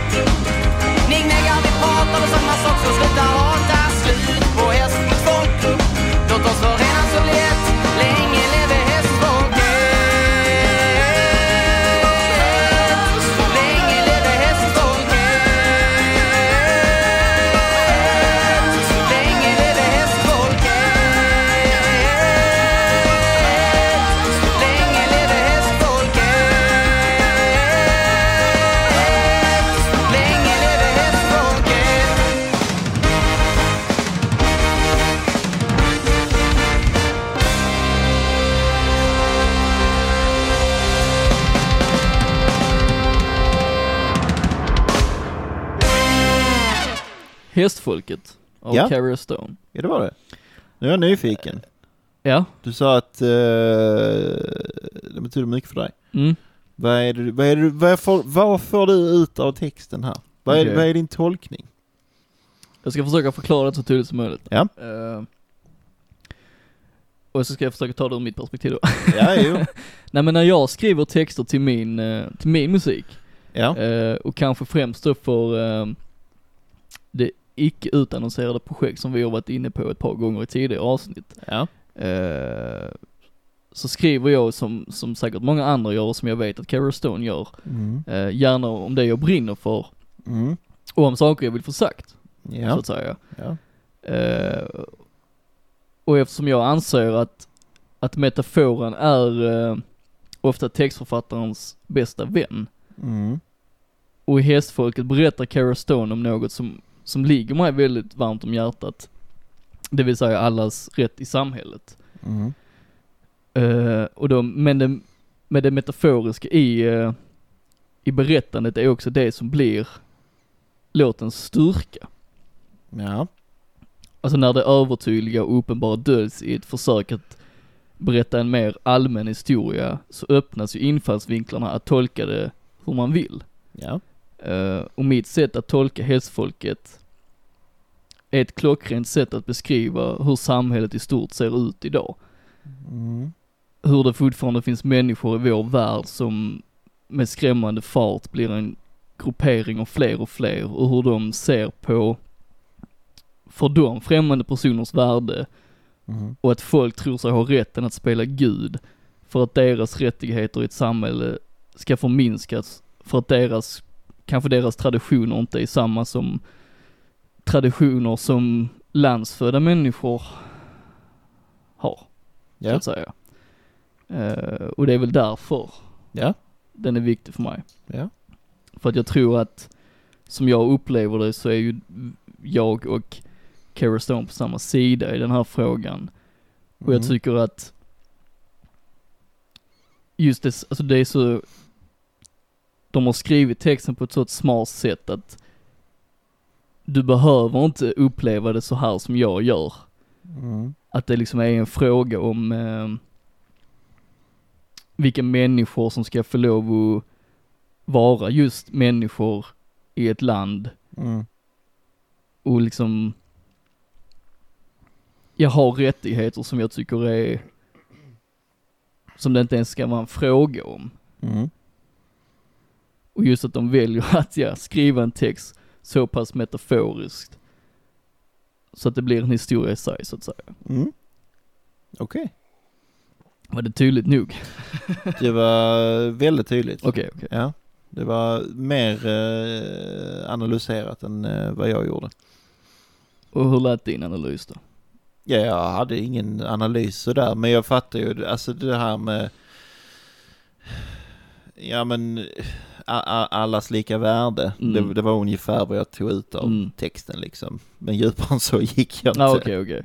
Men ehm, ja, Ja för jag har ju verkligen tagit till mig texten och jag vet, jag, Mm. jag håller ju med på varenda liten del mm. de försöker få fram liksom. Ja. Eh, och då blir det ju ur mitt perspektiv så växer ju låten ännu mer liksom. ja. Eh, för jag Jag, eh, jag förstår det. Jag, jag känner det, jag vet vad du tycker och tänker. precis, ja du vet ju det sen innan Ja. också ju. Så att jag, Eh, jag fattar det. Men du vet lyssnarna också. Ja. Så att, eh, kan vara bra, kan vara bra att förmedla det nu eftersom jag har hyllat texten. För även om hästfolket vid en första lyssning kan uppfattas en aning lättsam, Mm. eh, som till exempel Länsman Larsson kanske också då, eh, så tycker jag här finns en väldigt aggressiv mentalitet som genomsyrar det musikaliska såväl som Simons sätt att leverera texten på. Mm. För för mig blir det väldigt tydligt och jag tror att det är för att jag relaterar också och vet känslan av att se hur, bland, ja kanske främst då det svenska samhället börjar bete sig mot, eh, eller urskilja genom att gruppera och så vidare. Mm. Och hur, ja, hur människor uttrycker sig och beter sig så att säga. Mm. Jag tycker det är väldigt tydligt att de på flera sätt är väldigt trötta och frustrerade på, på det temat så att säga. Den, Mm. deras åsikter i det ämnet. Mm. Eh, och jag tycker det är imponerande att de kan leverera den känslan då även om den metaforiska texten kanske kan tolkas på flera sätt. Men just att den, Ja. den nerven finns där både i, om det så är i pianospelet eller saxofonen eller gitarren Mm. och främst då i Simons sång. Mm. Jag tycker att han har en väldigt aggressiv nerv här, Mm. eh, som då, ja, blir mer framstående om man håller med kanske, men jag tror att den, den tillför väldigt mycket oavsett om du tolkar texten på det sättet som jag gör eller inte. Och jag tycker att det lyfter låten på flera sätt. Ja. Ja. Jag köper det, 100 procent. Ja men det är bra ju. Mm. Eh, Även om jag inte själv gick så djupt riktigt. Men, Nej, ehm, precis. men jag, jag, jag förstår hur, hur det för dig har en, har en eh, stor uh, innebörd. mm. Men du tycker betydelse. Ja, innebörd. Ja. Ja. Men du tycker likväl att det är en bra låt eller? Jo ja. Ja. Så jag menar oavsett vad så, ja, men det är som vi sa innan, även om man bara tar deras låtar väldigt ytligt, precis. så är det ändå feta låtar. Exakt, exakt. Du kan liksom sätta igång det här på, på en fest så är det ingen som lyssnar på texten. Men Nej. alla gillar det. Ja för det går ju inte att förneka att det är sinnessjukt catchy. Ja. Och jag tror det Eller är nej. lite där, Ja. jag tror det är lite där de kan få hämtat inspiration från just till exempel Jodla med Siv. ja, Eh, för, eh, jag vet inte, jag har aldrig fastnat för Jodla Siv. inte jag heller. Eh, av flera anledningar tror jag, men jag vet ju också att i vissa kretsar som jag förr umgicks väldigt mycket med så var det ju Mm. alltid Jodla Siv på fester. Mm. Du vet, det var alltid Jodla med Siv, du Ja. vet, samma låtar alltid. Kan vara en bidragande faktor till att man inte fastnar för dem. det kan ju ha en påverkan såklart men jag tänker, jag tror också att Jolla Messiv har mycket mer att berätta i deras texter än vad jag kanske tagit in. Eh, Mycket möjligt ja. jag tror inte det är så lättsamt som man kanske tänker när man hör det på en fest. Jag tror de kanske likt Cara Stone faktiskt har Mm. betydligt viktigare, viktigare saker att berätta. Mm. 20 pågar i en bastu kanske inte handlar om 20 pågar i en bastu. Jag tror, jag tror det finns olika, olika nivåer av deras Ja. texter och sånt där. Men jag, ja. Jag tror att det finns ett större djup, men oavsett vad så tror jag att skillnaden med Cara Stone och Jolla Messiv, tror jag att, som jag nu pratar om det metaforiska hästfolket, jag tycker det, jag fastnar betydligt mycket mer för det, Mm. än kanske sättet som eh, Lucky Martin då i Jolla Messiv kanske eh, väljer att framföra sina texter. Mm. Jag tror det där, där finns en väldigt stor skillnad där och jag tror det är därför att Yola Massiv inte funkar för mig medan Cara Stone, som kanske då har lyssnat väldigt mycket på Yola Massiv, Mm. funkar betydligt bättre. Mm. Det är lite svårt för mig att se det ur, ur det jämförelseperspektivet eftersom jag aldrig riktigt har lyssnat på Yola Massiv utan det är bara Precis. som, det är kanske en förutfattad mening från mitt håll nu men Mm.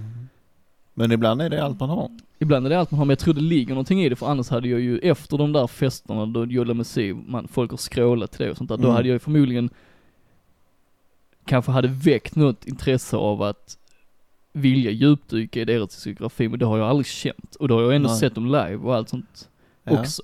Ja. Men det är klart, jag hör ju också element i det musikaliska där det finns liknelser mellan Cara Stone och Yola Messiah. Jag tycker ändå alltid att Cara Stone imponerar mer även där. Mm. Jo men det, det tycker jag också. Ja. Jag är kanske ingen uh, ökänd textlyssnare men, men om, man, om, man, eh, om man bara tänker rent musikaliskt så känns ju, alltså Cara Stone känns ju som att de har full koll på läget genom allting. Mm. Alltså vad gäller det själva ak- dig. akten av spelandet. Mm. Och just som det vi varit inne på, just det där att det alltid blir någonting oväntat Mm. när det närmar sig slutet i Cara Stones låtar. Mm. Och vad jag har hört av Yola Massiv så är det ju väldigt, väldigt mycket samma hela tiden. Mm. Eh, Jag vet att det finns låtar där de också kan gå den vägen, Mm. men jag tycker de är bet- betydligt mer repetitiva i det musikaliska än vad Cara Stone är. och det är ju också en aspekt som jag tror jag fastnar ännu mer för Cara Stone än vad jag någonsin har gjort för Yola Massiv. Ja. Håller med om det. ja. Cara Stone. Mycket bättre. En guldgruva. Ja det är det. Och eh, om vi då ska gå tillbaka till just specifikt hästfolket så tycker jag där, Mm. eh, när de väljer att avrunda låten, att Simon faktiskt sjunger slut på Häst mot folkgrupp. Mm. Det vill säga de, den hoppfulla eh, insikten på, eh, på eh, samhället att det faktiskt någon gång ska bli ett slut Mm. på det här, på människors beteende att urskilja och hindra folk Det från att är, eh, ha samma rättigheter. ja, det är lite, det är lite som eh, Rick Titras önskan om eh, att alla ska bo i Malmö. Det är samma tematik Det ja. är samma tematik. ja. Mm. Också där liksom just att både Rick Titra och Cara Stone är ju väldigt finurliga med hur de vill berätta det ut, utan att liksom Ja. specifikt kasta sten på eh, det vi alla vet de är emot, så att säga. ja, jo men Eh. precis. Tänk dig då Cara Stone featuring Rick. det hade ju varit någonting. Det hade funkat, Ja. tror jag i alla fall. det Beror lite på vad han hade gjort. Men eh, ja, Mm. Där finns någonting där Jens. det är någonting. Ja. Båda är i Skåne så att fixa det. Fixa det ju. Eh, nu ska vi lyssna lite till Jens. Ja. För eh, det är så jag vill att vi ska göra. Där vände jag lite på det Ja, Jens. du, Ja, ja. ja. Men vi ska lyssna på en låt som är, eh, som i stort sett är deras ballad. Mm. Jag vet alla band har en ballad. Så Så, måste så det är det bara. Till och med Cara Stone har en ballad Ja. liksom. Eh, och detta är lite för att få ännu större perspektiv på vad då grabbarna i Cara Stone faktiskt är kapabla till att göra. Mm. Eh, och med, med denna låt bevisar de bara liksom ännu mer att vad de än tar sig an så gör de det med bravur. Mm. Så därför ska vi lyssna på låten Muskelvan. Ja. En skånsk fin bit. Kommer här Jens. Jag var ung, det är länge sen nu. Jag var dum och kunde knappt räkna till sju. Tidig vår, jag skulle göra något. Man i moppeåldern inte får. Han var tänd i en liten sko. Kokade upp, hällde i ett glas. Nu skulle min oskuld tas. Man blev stark som fan av himmaeldat muskelvann. Man blev stark som fan av himmaeldat muskelvann. Man blev stark av himmaeldat muskelvann. Man blev stark som fan av himmaeldat muskelvann. Sen den dagen har du varit min vän. Aldrig svikit eller gjort mig galen. Jag njutit utav dig till rock, reggae och punk. Du klär så fint i en fem liters dunk. Brasan var tänd i en liten skog. Kokade upp, hällde i ett glas. Nu skulle min oskuld tas. Man blir stark som fan av himmaeldat muskelband. Man blir stark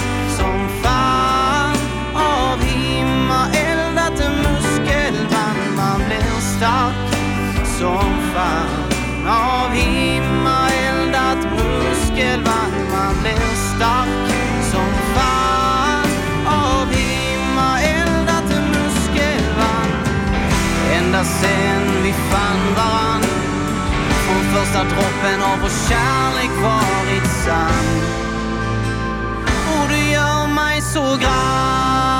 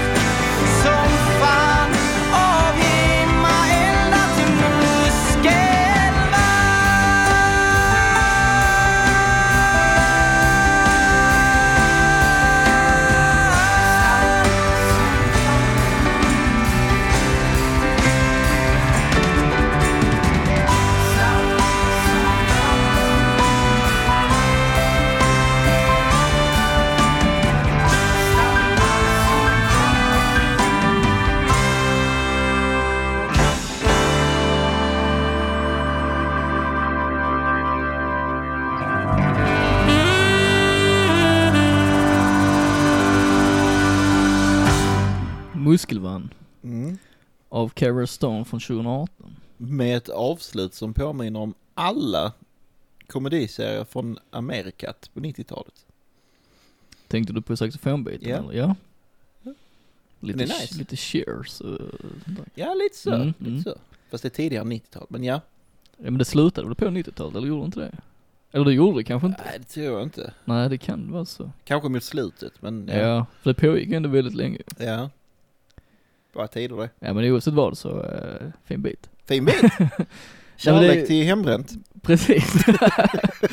det är det, jag tycker det är så jävla kul att den här låten finns, att de faktiskt, Kara Stone kan visa att de, om det så är en ballad de ska göra så gör de det så sinnessjukt bra. Mm. Och jag tycker det roliga då är ju liksom att, eh, att det, det intressanta i det att eh, Simon Persson då som sjunger, att han lyckas visa lika mycket känsla i sin stämma och klang här i Muskelvann som han gör i låtarna vi lyssnat på tidigare, även om han använder sin röst på två helt olika sätt. Ja. Eh, för jag tycker att Simon får ju verkligen chansen att, eh, att gl- glänsa lite extra här, Ja, än vad han kanske får i eh, de andra låtarna. håller med. Ja. Ja. Du hade inte hört den innan sa du? Nej, det Så har jag nu, inte. kul att höra nu dina spontana tankar nu efter första gången du har hört den så att säga. Du sa dem precis. Ja, jag har redan sagt Så- Jag har inte så mycket att tillägga. Okej, Men, eh, ja, allt det du precis sa. okej. Men då ska jag ge dig en frågeställning Ja. då. Eh, om vi tar då Muskelvann som exempel jämfört med de låtarna vi lyssnat på innan. Var, var tycker du de hör som mest hemma så att säga? Om du måste, om vi nu ska skilja det så drastiskt rent soundmässigt så att säga. Ja men då är det ju liksom, det är lite gladare till upptempot. Det är säkert, det är inte dåligt. nej, Inte ens i närheten. Det är bara det att eh, det, är det, det är deras lilla utstickare. precis. Och det, det får man ha. Ja, Kanske man till och med ska ha. Jag vet inte. ja, Men eh, den, den gör, om det skulle funnits en skiva. Eller det finns en skiva. eller en release i alla fall, då, den är liksom, den platsar. Alltså som, menar, ett, som ett bryt. du menar att Muskelman gärna fått, fått vara med på en fullängdare så att Ja. säga? Ja. Jag håller med dig om det du säger för att Cara Stone som band är ju liksom det vi har hört innan. Det är ju Ja. det där reggae ska-soundet med alla olika Ja. influenser liksom. Men det, det kan alltid vara bra med ett bryt. Det ska, ja det är allting en fördel liksom. Och jag Ja. tycker ändå att just att de kan bevisa att de kan skriva en ballad i stil med Muskelband så är jag ju, nu är jag ju väldigt nyfiken på att de ska göra mer åt detta hållet i framtiden också. Inte att de bara ska fokusera på detta men att alltid ha någon sorts bryt i stil med Muskelband. Jag vill liksom se den sidan av dem också. Ja. Ja, intressant att höra mer av det som du säger. Mm, Så vad det, se vad det kan bli liksom. precis. Speciellt nu eftersom det har gått ett tag sen den Mm. släpptes. Ja exakt. Och även som vi har sagt i de andra låtarna just där liksom innan de ska avsluta låten. Det är ju sjukt vad de lyckas bygga upp den här, eh, den här dynamiken. Mm. Och få det liksom att nästan explodera i slutet. Mm. På ett naturligt sätt. Ja. Jag kan mer än hålla med. Du håller med mig? Ja? Jag håller med dig. Mm. Nej, det, vi, vi det, får väl säga till de som lyssnar att vi gillar Carrie Östern. Båda två. Om inte det har varit tydligt än så, Så vet de det nu. precis. Nej men jag måste ju faktiskt vara ärlig och säga just det med, med alla band vi, eh, vi har haft med här och jag tror även vi kommer ha med nu framöver. Alltså Carrie Stone är verkligen på, på en nivå som är, eh, alltså det, det är sjukt att de ens liksom skulle behöva vara med i en podd som handlar Mm. om oetablerade band om du förstår vad jag menar. De skulle Ja. redan ha varit på en nivå där de inte överhuvudtaget behöver någon hjälp med att synas och höras så att säga. Ja. ja, det är ju ett av mina topp tre i alla fall. Ja men det, alltså det skulle nog vara för mig också för jag tänker att de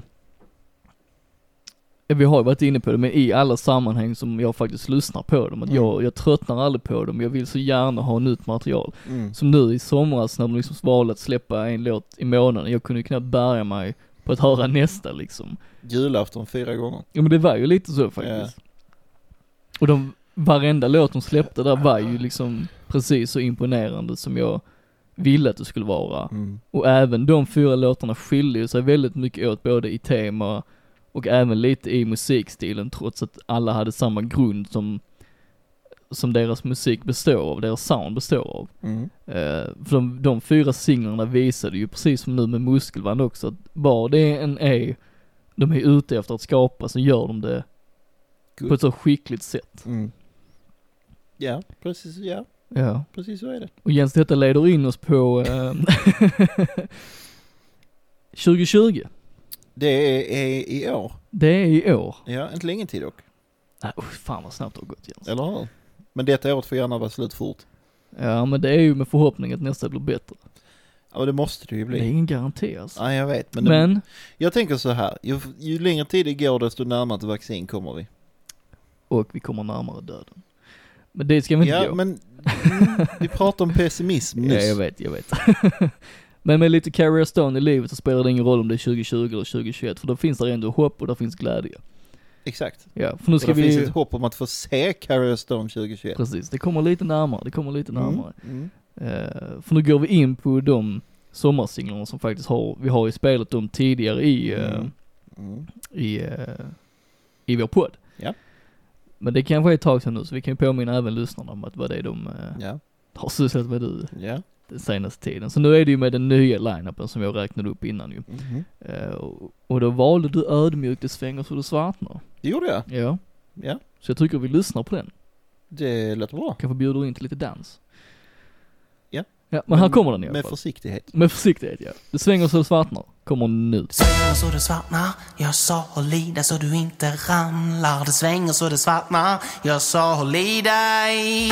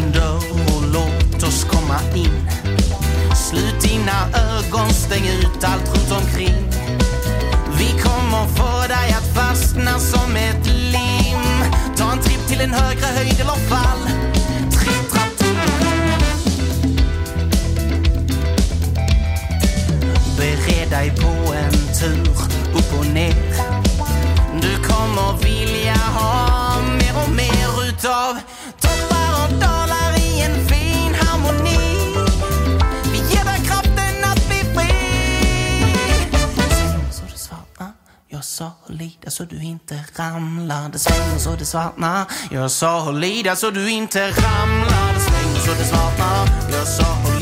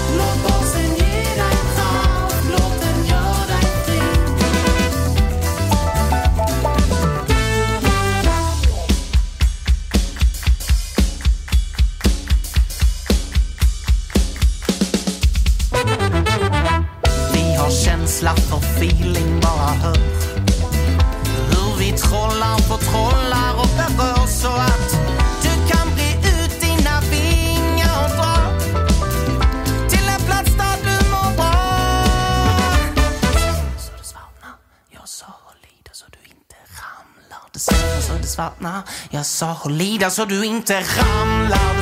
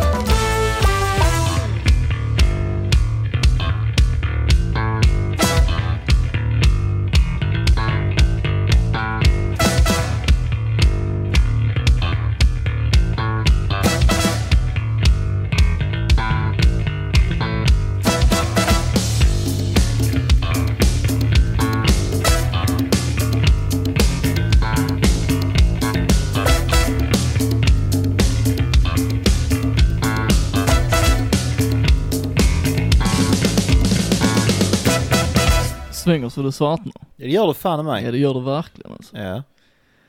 Alltså jag måste faktiskt säga att uh, jag tycker det är lite oväntat att du valde just denna låt. Jaså? Ja. Hur så? Jag tänker du känns inte så rotad i det där discofunkiga som jag tycker är rätt tydligt just. Du kommer det svänger så det svartnar. chockad om vad okay. jag har sagt. Ja. Jaha, eh, ja, du får gärna säga det i sånt fall. nej alltså anledningen till att jag valde den här, alltså får, till att börja med så måste jag säga att det var ganska svårt att välja en låt. ja, det var så. För att allt de gör är bra. Ja. Men det är just the funkaliciousness av den här låten som gör att jag valde det. Eh, och eh, det här med, med disco och sånt, alltså ett tag var jag tungt inne på discomusik. Det är så pass ja. alltså, okej. Ehm, Vad var, alltså vad var det för band som du var speciellt insatt i då? eh, alltså det blev väldigt mycket Boney M. Okej, ja. okej. Ehm, och liknande. Alltså diskomusik som kanske inte var, okej Boney M var skitstora på sin tid. Ja, oh, ja. Men det var inte, det var mer än bara en poplåt på 70-talet. Mm. Liksom, det var, de, hade, de hade mer Ja. än det. Eh, jag kom fan inte på några andra namn. Men, men det är stuket ja, i alla fall. Ja.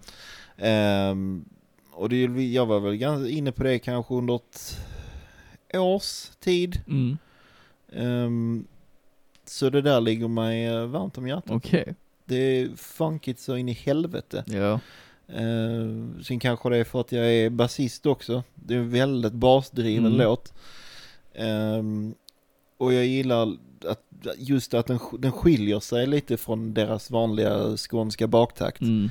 Men det var ju Eh. lite det jag var inne på just de fyra sommarsinglarna. De hade liksom varsitt tema i varje Ja, låt så att säga. Precis. Eh, och sen är det ju beroende på hur man tolkar den här låten textmässigt. Eh, vi körde ju en, eh, en topplista i Patreon-avsnittet. Ja, vi har gjort två stycken. Ja, en svensk topplista. Ja. Ehm, Över Sveriges bästa låtar. men ja, får jag säga vilka en av dem var? Han ska inte fortsätta. Kan du göra det kryptiskt? Det finns en gammal, väldigt gammal svensk eh, folkvisa-låt som nuddar på de, dessa teman. Vi kan säga så mycket som att de ville att man skulle dansa ihjäl sig. Ja. Ja. Ehm, Svaret finns på patreon.com slash nevertolove. Snyggt. Eh, men ja, så där, eh, eftersom jag gillar den så är det ju en koppling där. Mm. Jag vet inte, det är tematiken. Ja, ja för just soundmässigt så är det två skilda världar ju mellan Ja, de låtarna. ja, men jag förstår, vad du, jag förstår vad du är ute efter. Så det, det, det är funket, det är disco-viben, det är liksom kopplat med allt annat som Cara Stone gör jävligt bra. Mm. Eh, och det är att det är annorlunda, det är vad, vad jag tolkar texten som i alla fall. Och det är, de blandar så mycket, alltså det är så mycket i, det är ju för fan en liksom typ sån här latin konga-del. Mm.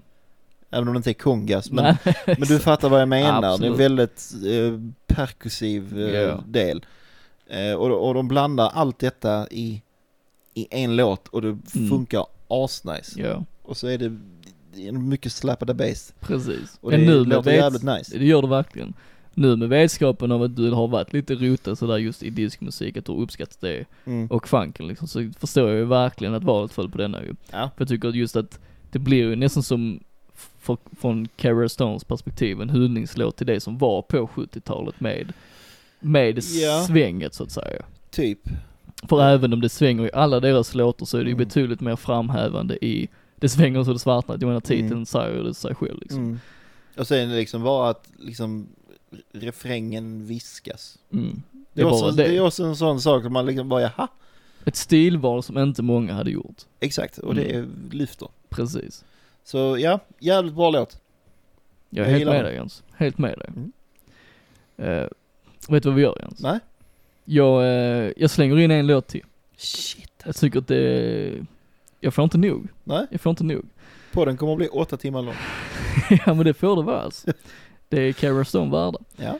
Nej men vi, vi lyssnar på en till låt som de släppte nu i somras och då lyssnar vi på eh, DBBD. Ja. Kommer här Jens.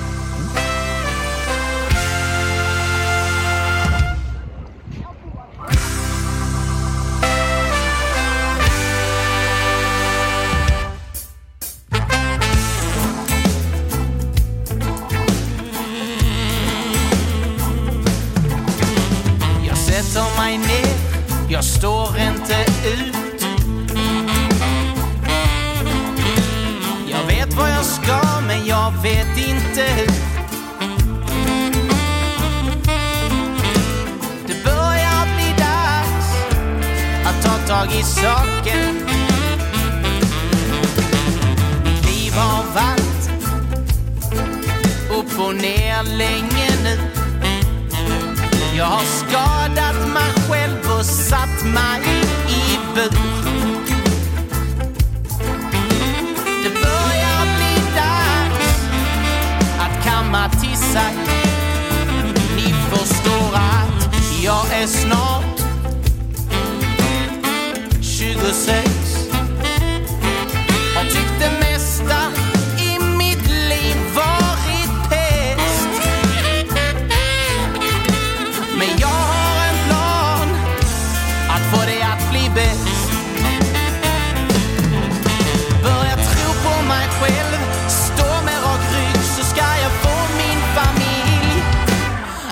känna sig trygg.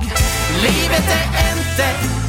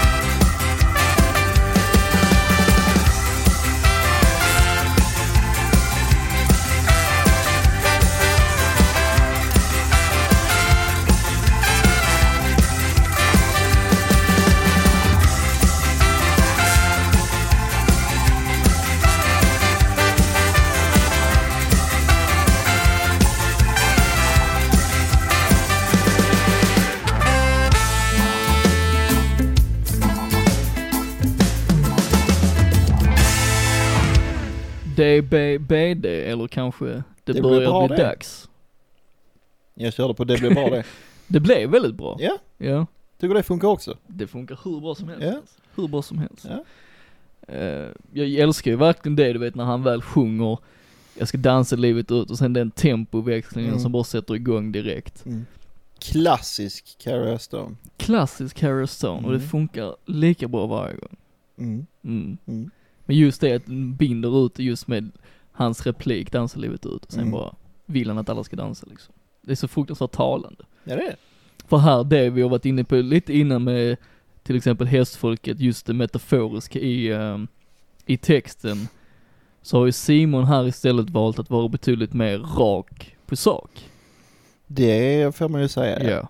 För här är han ju väldigt öppen med eh, kan, eh, känslostormar som har varit en del av hans liv tidigare liksom och hur Mm. han ser på det. Det kan vara samma infallsvinkel som i Lev livet. Mm. Men här är det betydligt mer öppet så att säga. Ja. Och det funkar ändå. Det är klart ja. Även när han överger det metaforiska så att Ja. säga. Som sagt, eller jag vet inte om jag har sagt det, men de kan göra vad som helst. De blir kan göra ändå. vad som helst. De kan verkligen det alltså. Ja. Och det är det som är så imponerande. Ja. Det, För om man nu tänker just som jag sa det med tempoväxlingen här i DBB, det är ju samma, alltså samma sätt att eh, bygga låtar på lite som även Ska P gör, eller vad de nu kallas. Det är också en av deras eh, stora influenser, just det där att ha, Mm. att växla tempo så sinnessjukt Ja. drastiskt så att Ja. säga. Men att få det att funka. Mhm. Ja, det lyckas de med. Ja. Men det här är ju egentligen, det här är ju egentligen en perfekt låt att, eh, att avrunda hela vårt segment med Cara Stone. Om Ja, för det börjar bli dags. Det börjar bli dags. Eh, men eh, jag eh, snackade lite precis med eh, Simon som sjunger i Cara Stone. Vadå nu? Precis. Nu precis. Ja. Och, eh, han har en liten hälsning till alla lyssnare. Ja. Så det kommer här. Hej! Simon från Carrier Stone här. Vi i bandet vill tacka alla som lyssnar och diggar vår musik. Ni är bäst och jag hoppas att vi ses någon gång på våra spelningar framöver. Allt gott! Tja! Fint sagt ju. Ja, det var det. Ja. Bra sammanfattat. Precis. Så lite kortfattande, deras slutgiltiga mål framöver är ju faktiskt att, eh, Erövra världen. ja det är alltid, Det är ju- alltid. det är bestående, världsherravälde och sånt där. Nej men de vill ju jättegärna släppa en fullängdsplatta, för än så länge har de ju bara släppt Mm. singlar. Ja. Eh, och med en skiva i åtanke så vill de ju senare få ett skivkontrakt Mm. och en stor eh, turné genom Sverige på sommaren. Mm. För det är ju där de hör hemma som absolut Mm. bäst liksom. Eh, och de vill gärna spela på lite olika festivaler och klubbar och så vidare. Ja. Och de tycker precis som du och jag gör att de förtjänar ju verkligen en större och bredare publik. Och jag, Ja. är, jag är hundra på att om de fortsätter i samma stil Mm. så kommer det att hända förr eller senare. Mm. Men vi, eh, vi tackar Cara Stone eh, sjukt mycket för bra musik och att de ville vara en del av Never Too Loud. Ja, det gör vi. Eh, och så återkommer vi ju såklart i framtiden när vi, eh, När de har tagit över världen. när de har tagit över världen ju. Då, är vi, då är vi för små för dem. ja, precis. Då är vi bara bönder. Ja, men jag vet eh, garanterat att Cara Stone kommer återkomma inom en snar framtid här. Ja, Så mer om det senare, så går du och jag vidare Jens. Det låter som en plan. Det gör du. Ja. Minns du eh, Flamumba-rockens fader? Jag vet inte vad Flamumba är, men nej. Du minns inte Flamumba alltså? Nej okej. Eh, Zulu El Malo som vi har haft med i ett avsnitt tidigare Ah, Just det. har ja. eh, nu släppt en singel från Mm. eh, sitt kommande album. Mm. Och jag är nog beredd på att påstå att detta är bland det bästa han gjort. Okej, Så det finns bara en sak att göra Jens. ja det gör det. Spela upp den här låt. Ja det tycker jag. Så eh, här kommer Zulu El Malos nya singel Fall on my knees. Ja. Härligt.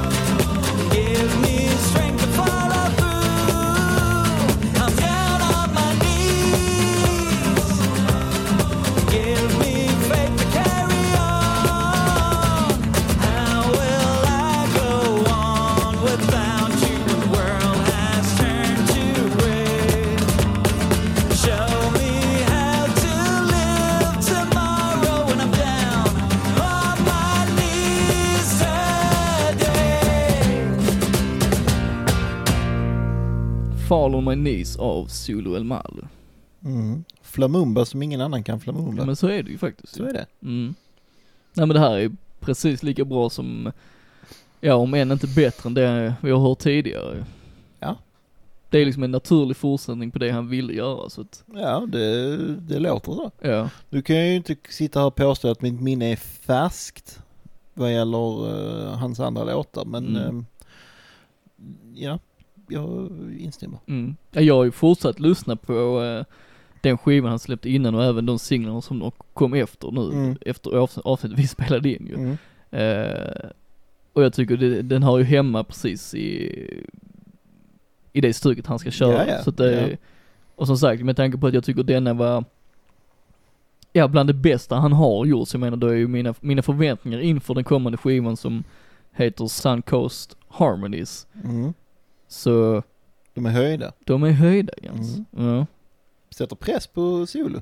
ja, Mm. men jag vet jag vet inte hur pass färdig han är med skivan så, men eh, Eh, Han får skippa och lyssna.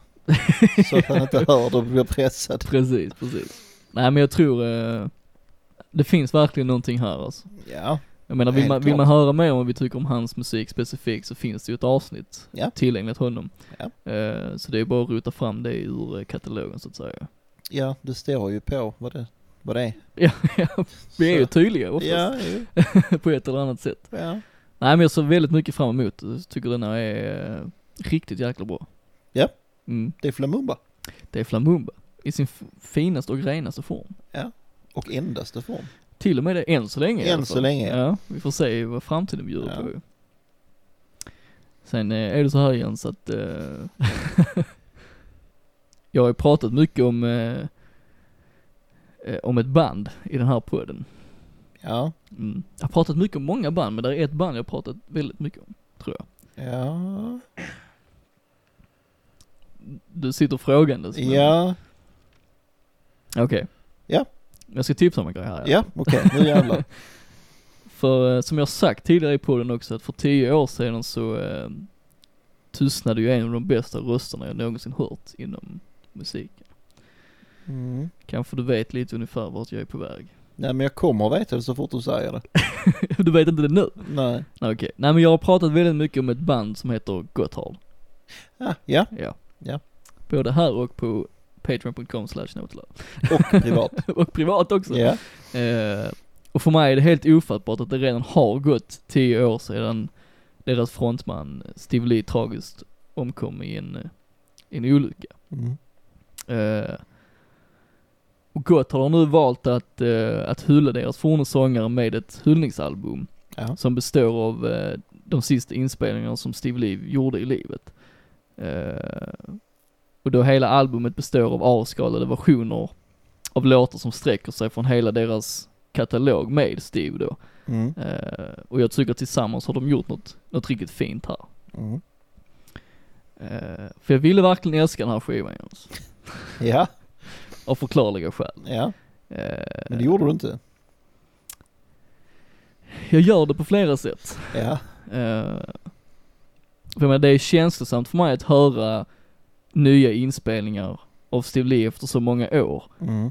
Och just med vetskapen om hur hans liv avslutades. Mm. Och att bandet i ett väldigt skört tillstånd, tillstånd valt att färdigställa dessa låtar. Jag menar det tillför ju väldigt mycket när jag lyssnar på den här skivan. The Eyes of a Tiger som den heter. Mm. Eh, för det är, det, är, det är verkligen fina versioner av dessa låtar jag tycker ju att Steve Lees sång är lika slående här som den alltid har varit. Ja. Eh, och Gotthard har ju bevisat ju väldigt ofta hur bra de var på att, eh, att skriva ballader och alltså lugnare låtar och Steve Mm. Lee var ju alltid briljant Mm. när det kom till att, eh, att visa liksom känslor med sin sång men samtidigt vara liksom tekniskt skicklig på en nivå som är, är väldigt sällsynt inom rockvärlden tycker jag. Mm. Men sen är det ju lite, jag vet inte om man ska kalla det problem, Ja, nej, okej. men där- den lämnar ju lite att önska så att säga. Okej. För låtvalen är ju för mig som fan av, av Gottards musik kanske lite väl förutsägbart Mm. och kanske till och med lite tråkigt. Men nu är ju detta inget som bandet förmodligen har kunnat påverka eftersom detta är det sista som Steve Lee spelade Ja. in. Men det är mer liksom i helheten så är det liksom, jag hade ju hellre sett lite andra låtar som hade fått en avskalad version. Mm. Ehm, för en del av dessa versionerna är ju redan i sina original väldigt akustiska och lågmälda liksom. Okej. Eh, så denna skiva blir ju mest intressant när det eh, de har valt låtar som till exempel eh, Need to Believe eller eh, In the Name. Där de verkligen har gjort något helt annat från originalet. Mm. Eh, och det leder ju in på tankar liksom om, de om bandet hade någon annan plan med dessa inspelningar från början. Eller om det var något som Steve Lee själv ville leka lite med vid sidan av bandet Mm. så att säga. Mm. För helheten blir ju, de har ju tagit det som har funnits och gjort det bästa av det, så där blir ju, helheten blir kanske lite lidande av just det.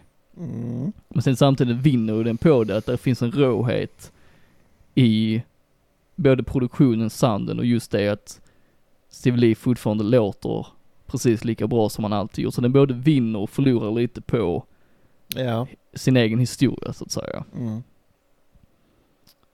Och om jag ska vara lite mer kritisk så finns det ju stunder på den här skivan då, eh, då jag tycker att nya, nya sångaren Nick Mader, som tog över efter Steve Lee, Mm. hans eh, pålagda stämmor funkar inte alltid så bra i kontrast med Steve Lee.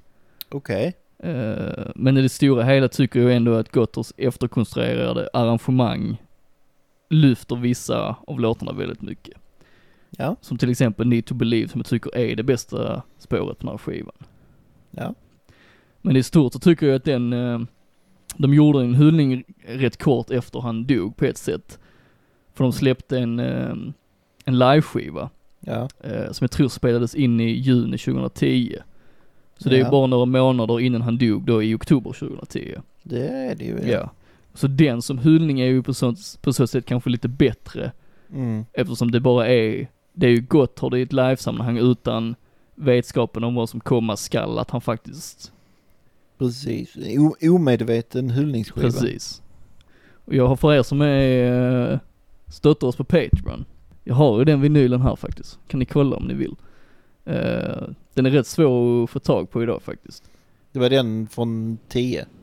Ja precis, jag tror Ja. den då släpptes 2011 kanske, året Ja. efter och sånt. Men det var ju, det blev ju liksom en, den hade kanske släppts ändå ju, men det blev ju ändå en hyllning till honom liksom. Mm.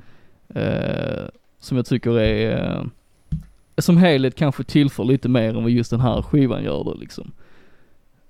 För du säger själv, det är liksom bara ja, det blir ju en hyllning till honom liksom. Ja. På ett, på ett kanske, vad ska man säga, mindre dramatiskt sätt kanske till och med. Alltså, Ja. Är det en poster eller? det är en poster också. Ja. Eh, men som sagt, jag är ju sinnessjukt glad att den här skivan finns också. Alltså som fan är man ju det liksom. För jag menar, där finns ju, där finns ju mycket att hämta här oavsett ju. Det är bara det att det som de själva inte ens hade kunnat påverka också drar ner den lite så att säga. Mm. Ja.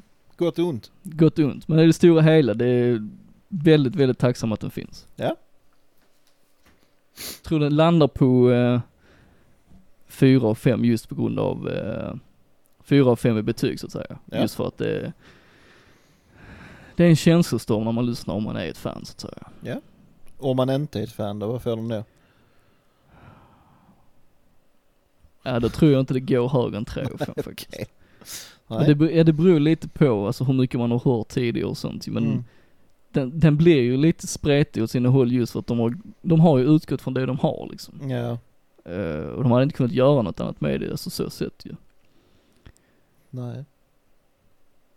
Nej, jag är inte alls inlyssnad så jag, jag vet inte. Nej. Men gillar man Gotthard så lyssna för, Ja. för guds skull. Guds För Steve Lees, för. Steve Lees skull. Men han är nästan gud så det är sak samma. Okej. Mm. Jag tar ditt ord för. Har du någonting att tipsa om Jens? Ja, det har jag. Ja, vad härligt. Eh, det finns ett band, eller det är inte ett band, det är en person Okej. som går under namnet eh, Sleep Maps. Mm. Eh, jag tror jag har nämnt honom tidigare. Till dig, inte, inte i podden. Nej. Men eh, han släpper nytt, Okej. eller släppte nytt igår. eh, på streaming och uh, tjohejsan hoppsan allt möjligt. Ja. Eh, och faktiskt på vinyl denna gången. Mm. Ehm, så jag har förbokat mitt Härligt. ex. Eh, och vill man lyssna så finns det på Bandcamp där man även kan köpa hans eh, grejer. Mm. Och för de som inte alls vet vad jag snackar om, vilket nog är de flesta, ehm, så är det typ någon, någon blandning av eh, att, atmosfärisk postrock metal industriblandning. Okej. det, det, det är mycket, ehm, det är mycket instrumentalt, Mm. men det är jävligt bra, Okej. tycker jag. Ehm, så att ja, det, det är mitt tips för veckan. Kolla in eh, men om du skulle rekommendera det här nu, kan du jämföra det med något annat i samma stil, något band så att man kan liksom ha den referenspunkten om man blir nyfiken så att säga?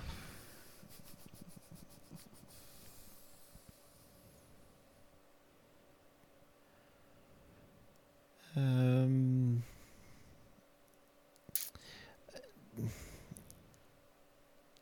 Alltså han gör ju den här po- postrock-grejen, alltså typ lite som ehm, Year of No Light-ish, Mm. fast på ett helt annat sätt. Okej. Alltså det, det är mycket mer... ehm, jag vet inte fan hur jag ska förklara det. Det är mer... Det är mer typ me mekaniskt, om jag kan säga det. Kanske inte hur det låter, men hur det känns. Ja. Och det är mer... ehm, det är mycket mer uh, uppbygg. Alltså en... Du vet, ja, du vet, det är postrock. Mm. Det ökar liksom hela tiden från en grej. Men han gör det på sitt eget sätt liksom. Det är, Okej. det är inte rakt upp och ner som alla andra i den genren. Mm. Ehm, men det är jävligt bra. Okej. Så... eh, Alltså det, ja, det, det är nästan lite som... Alltså det är väldigt mycket dystopi och sånt här Mm. om man tänker ämnena det, det, det, det rör. Så det blir lite... Nästan lite åt... Om man tänker på teman nu, inte hur det låter.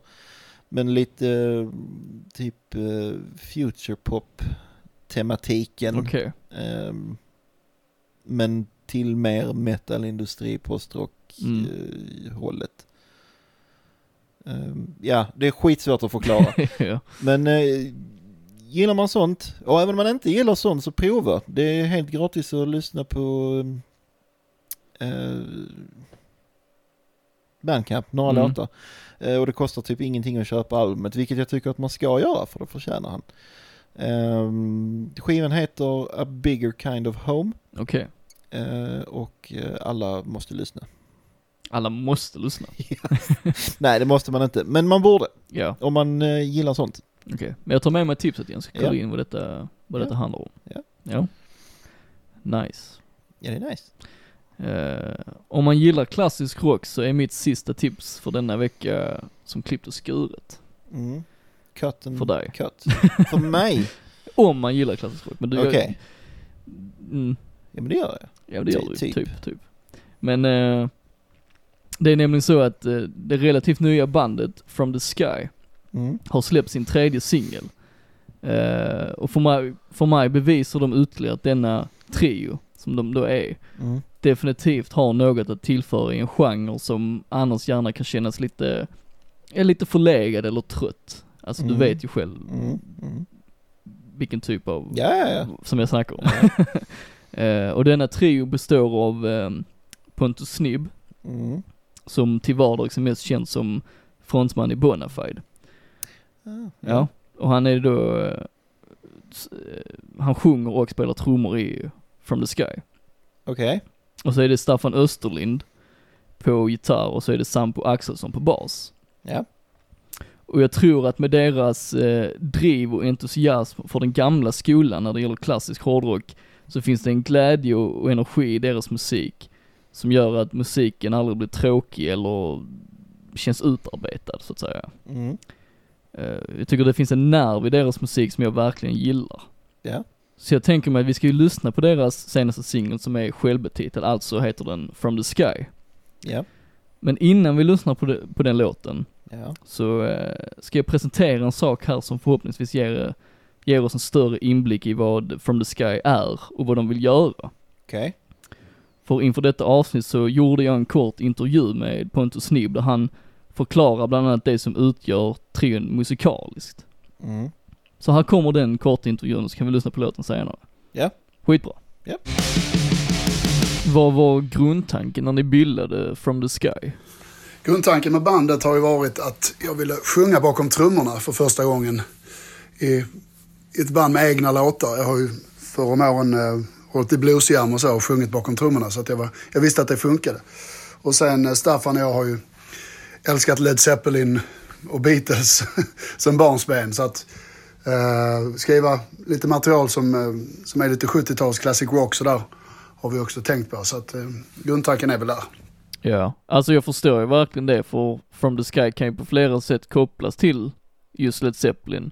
Allt från inspiration rent soundmässigt som du också var inne på då, men även att ni samarbetar med personer som har jobbat med dem. Men vad skulle du säga är de viktigaste beståndsdelarna som skiljer just er från Zeppelin? Ja, för det första så finns det ju ingen som kan låta som Led Zeppelin förutom Led Zeppelin. Men vi har ju haft eh, A tribute till Led Zeppelin i långt över 20 år nu. Och då hade man ju lyssnat på det långt innan vi började med det bandet. Så att eh, man har väl på något sätt doktorerat för min del då i John Bonham och Staffan Österlind har doktorerat i Jimmy Page. Eh, och med det sagt så har man ju liksom en en fallenhet för att skriva låtar som ligger i, det där, i den här fållan, både ljudmässigt och musikaliskt. Eh, så att vi eh, tyckte väl att vi, vi fixade det helt enkelt. På den banan är det. Det finns ju även Beatles-influenser och The Who-influenser. och- Alltså klassisk, klassisk mark all over helt enkelt. Ja precis, det är ju tydligt även om jag också tycker att From the Sky har ju sin egen, sitt eget sound så att säga. Men eh, Jerry Greenberg från Atlantic Records föreslog ju att ni skulle släppa Positive Mindset som singel. Eh, och vad betyder en sån sak för dig, att få beröm från en så viktig profil i musikhistorien? Ja, det är ju helt magiskt. Eh, det är vår manager Jens som eh, åkte över till Los Angeles och träffade Jerry Greenberg. Och eh, inte minst kul för oss Zeppelin-freaks eftersom det var han som signade Led Zeppelin till Atlantic Records en gång i tiden. Som väldigt ung kille under Ahmet Ertegun.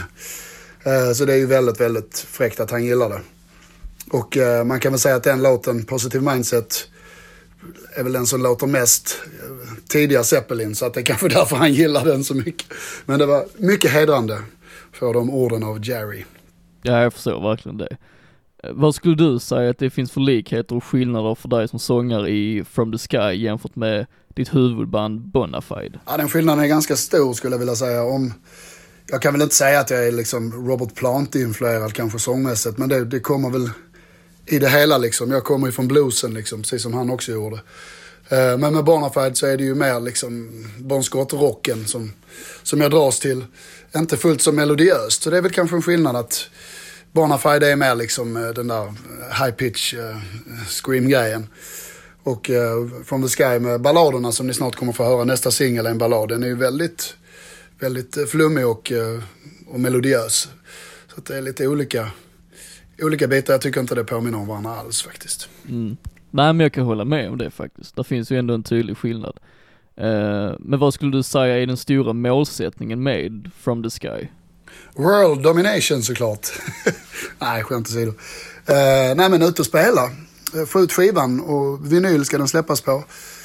Uh, och uh, ut och lira med det för att det känns som att det händer väldigt mycket. Så fort vi repar så pillar vi låtarna och ändrar dem och, skriver nytt. Och vi har ju som sagt en hel skiva klar. Uh, så ut och spela så mycket som möjligt och få ett bra bokningsbolag på det som, som fattar vad, vad vi står för och var vi passar att lira. Eh, så, eh, så folk får se hur fina vi är live. Och den skivan som du pratar om då som är färdig, när får vi höra detta? Ja, skivsläppet har ju blivit framflyttat. Så att det blir faktiskt så att det kommer en singel till, den här balladen. Eh, som heter Downstream, som Staffan och jag har skrivit tillsammans. Eh, den släpps förmodligen i december kanske. Och sen så är det sagt 22 januari nästa år. På Nine Tone Records från Sundsvall. Eh, och det hänger ju lite på he- hela coronafortsättningen och sådär. Man vill ju kunna ut och spela ordentligt när skivan släpps. Men förhoppningsvis 22 januari kommer fullängdaren. Så jag hoppas ju att denna intervju ger lite klarhet i vad det är From the Sky vill göra och kommer att göra i framtiden. Ja, Men eh, för att göra det ännu tydligare så ska vi lyssna på deras senaste singel. det låter som en bra fortsättning. Det tycker jag väl. Ja. Så vi ska lyssna på From the Sky av From the Sky. Ja. Kommer här. Sign in the times and move down the line.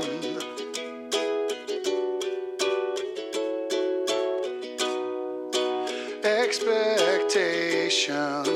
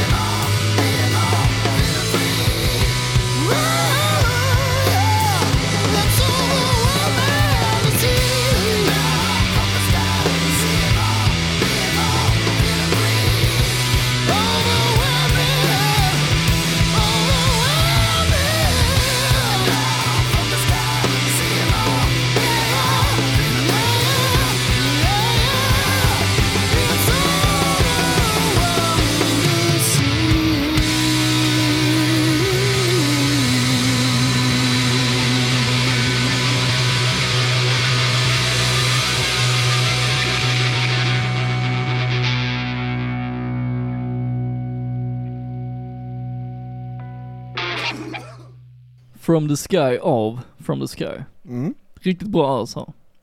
Mm. Du gillar det eller? Jag tror det. du tror det? Eh, m- me- mest positiv. Ja. Ja. ja. men jag är väldigt positiv. Jag tycker det är, det är riktigt bra. Just ja. det, det som jag också tänker mig, att det, det, det som de vill göra, eh, är de väldigt tydliga här med. Precis som Ja. också Pontus Snibb eh, förklarade lite i den korta intervjun vi gjorde liksom att de är stensäkra på vad de vill göra och de gör det jävligt bra. Ja, ja det, det var ju precis som man sa. Ja, ja exakt, Ja, exakt. Och jag tycker ju verkligen att Pontus Snibb kommer ju verkligen till sin rätt eh, som sångare här. Eh, jag tycker han gör det fantastiskt. Just Ja. i, i soundet som de skapar så tycker jag att han, eh, ja, det passar väldigt bra. det passar väldigt bra. Ja. Passar väldigt bra. Jag kan inte direkt jämföra för jag har ju aldrig någonsin lyssnat på Barnefight så Ja okej. jag, jag vet inte. Men detta gillar jag. Ja, jag tycker ju Bonafide är ju riktigt bra på det de gör också ju. Ja, Eh, och jag tänker efter de här tre singlarna som From the Sky har släppt så är jag ju väldigt, väldigt nyfiken på att höra fullängdaren. Som förhoppningsvis kommer 22 januari då. ja det är jag också nyfiken på. Ja, nu. helt klart. Så jag tänker vi, vi får återkomma till den. Ja, det, det tycker jag. så fort eh, det ges möjlighet så att säga. Ja, Så, eh, så var det allt för tipsen denna vecka. eh, ja. Brett och intressant. Man I vanlig säga. ordning. Ja, precis. Ja. Går vi vidare Jens. Det gör vi. Jens. Verkligen. Nu har vi ju chansen. På Triss. Kanske. Kanske. Jag har ingen trisslott. Inte jag heller. Ja. Ja. Men nu har vi chansen ju att eh, göra upp för förra veckan. Nej, det har vi inte. Du tror inte det? Nej. Nej, kanske Va, inte. även, om jag, även om jag skulle få full pott så är jag inte ens i närheten. Full pott skulle innebära att du har 19 Ja, och- jag har 31. precis. För det är ställningen 31-9. Men eh, Ja. förra veckan lyckades ingen av oss ta poäng så jag hoppas att det på något- ett eller annat sätt blir ändring på det här. ja, vi, vi får väl se. Ja. Vem känner sig manad? Det gör du. Ska jag börja då? Ja, det tycker jag. Okej Jens. Okej, Glenn. Ska vi hoppas på det bästa här nu då? Jag har gett upp allt hopp. Ja men, gör inte det, gör inte det än. Jag tar det som det, jag tar det, som det kommer. Du tar det som det kommer. Eh, det är samma struktur som vanligt. Mm. Eh, vi ska tävla lite om ni inte förstod det nyss. eh, jag letar efter ett band. Ja, Så vi börjar på 10 poäng då. Ja. Vi bildades 1984 och är fortfarande aktiva idag om än under andra förutsättningar. Vi är en del av den påstådda andra vågen som sträckte sig till mitten av 90-talet och sett till marknaden för vår genre världen över är vi i gott sällskap. nej, Går inte där nej. nej. 8 poäng. Vi har släppt hela 15 studioalbum, vilket gör att vi är ett av de band som släppt flest skivor jämfört med våra kamrater i alla andra band som harvat på i samma stil som vi har.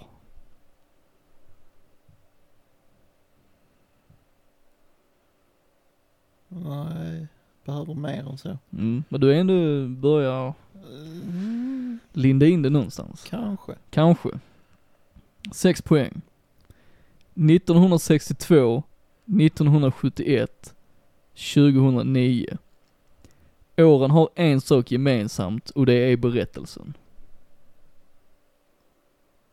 Nej, Nej, nej. okej.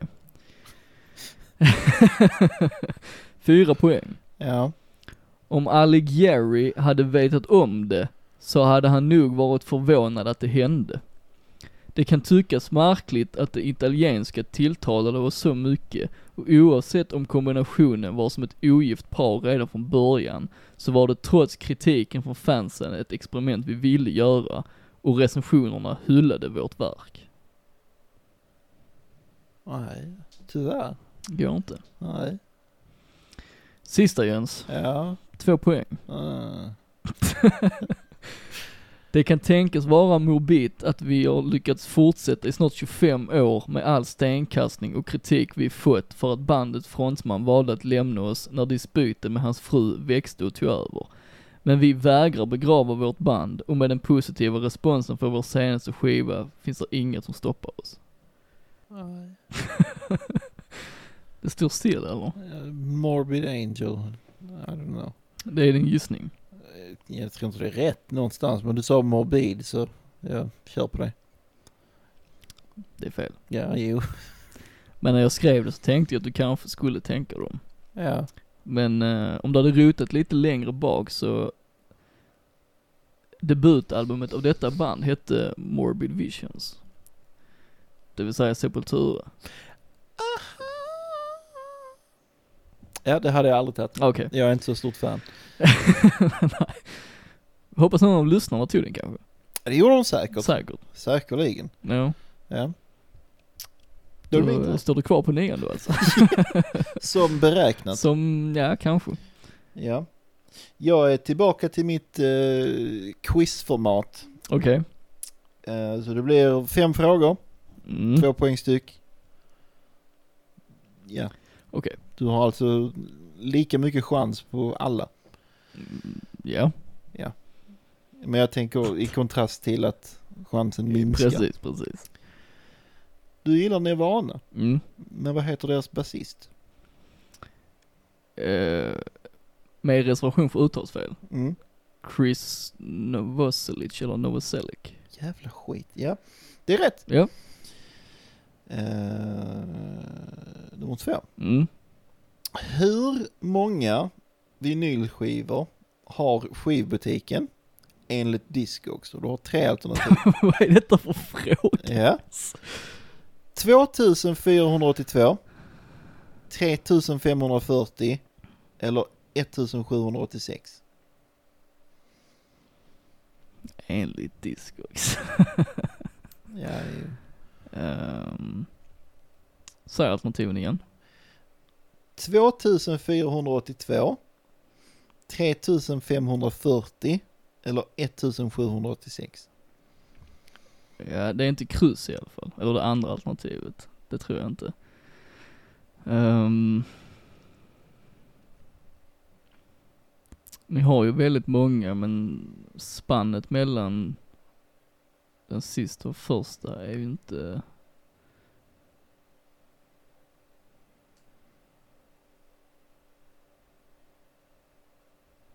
Du sa bara vinyler va? Ja. Mm.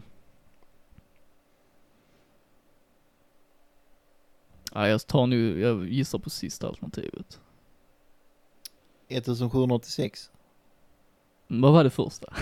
2482.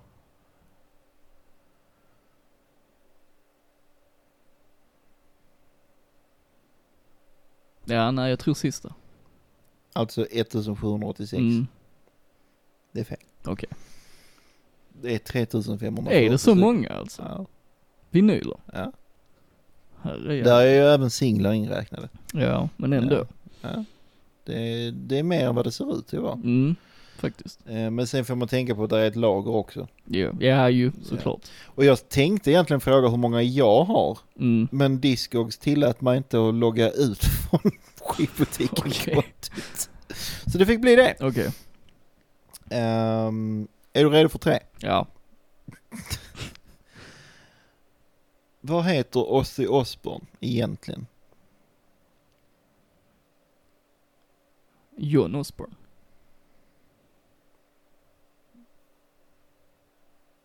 Ja, men det är John, John Michael. Ja men, mm, Men det är ju, det är inte fel. det är ju inte fel.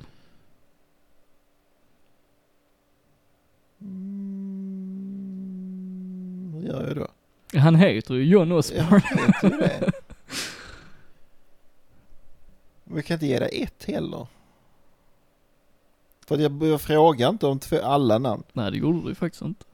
Så det får bli två poäng. Det blir två poäng. Ehm, är du redo för nästa? Ja. Vilken ökänd musiker påstods ha sålt sin sin själ till djävulen själv i utbyte med skicklighet och eh, framgång? Robert Johnson. Ja. Eh, den mest sålda skivan i USA någonsin.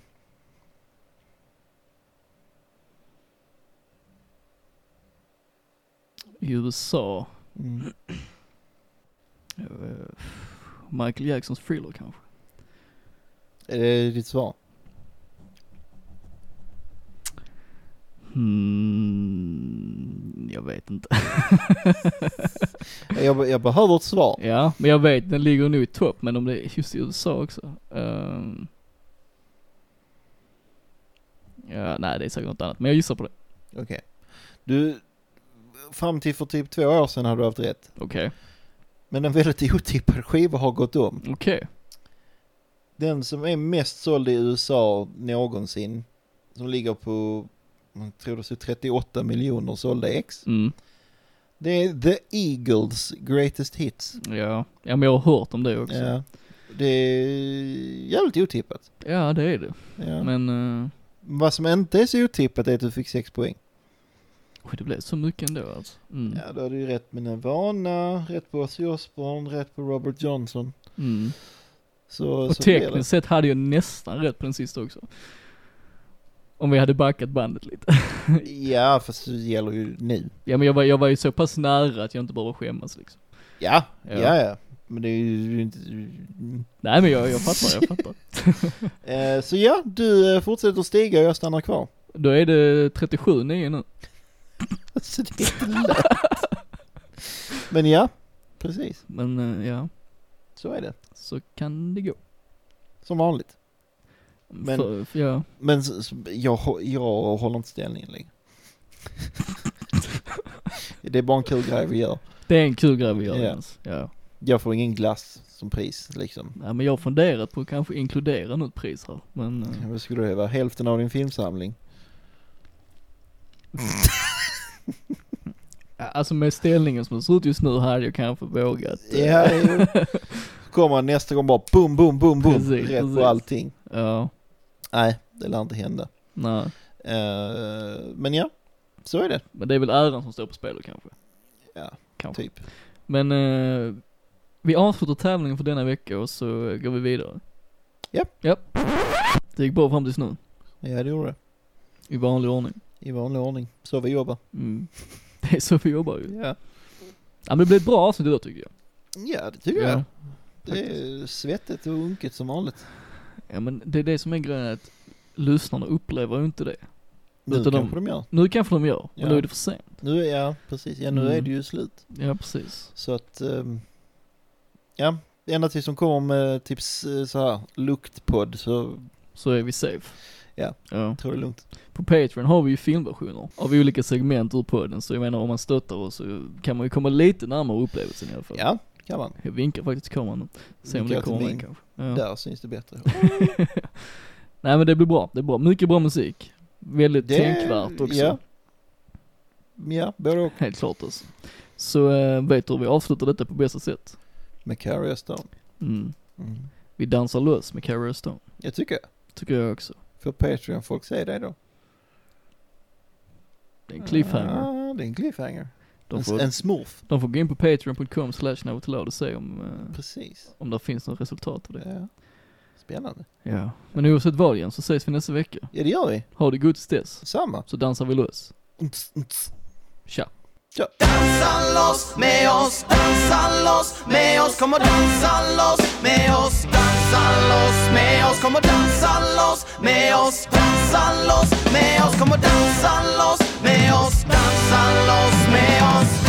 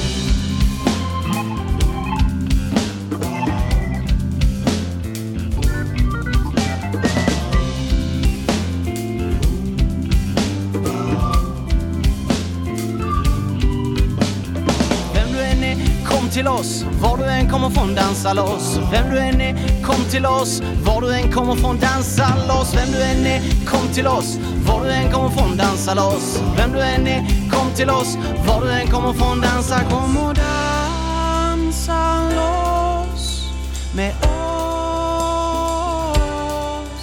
Kom och dansa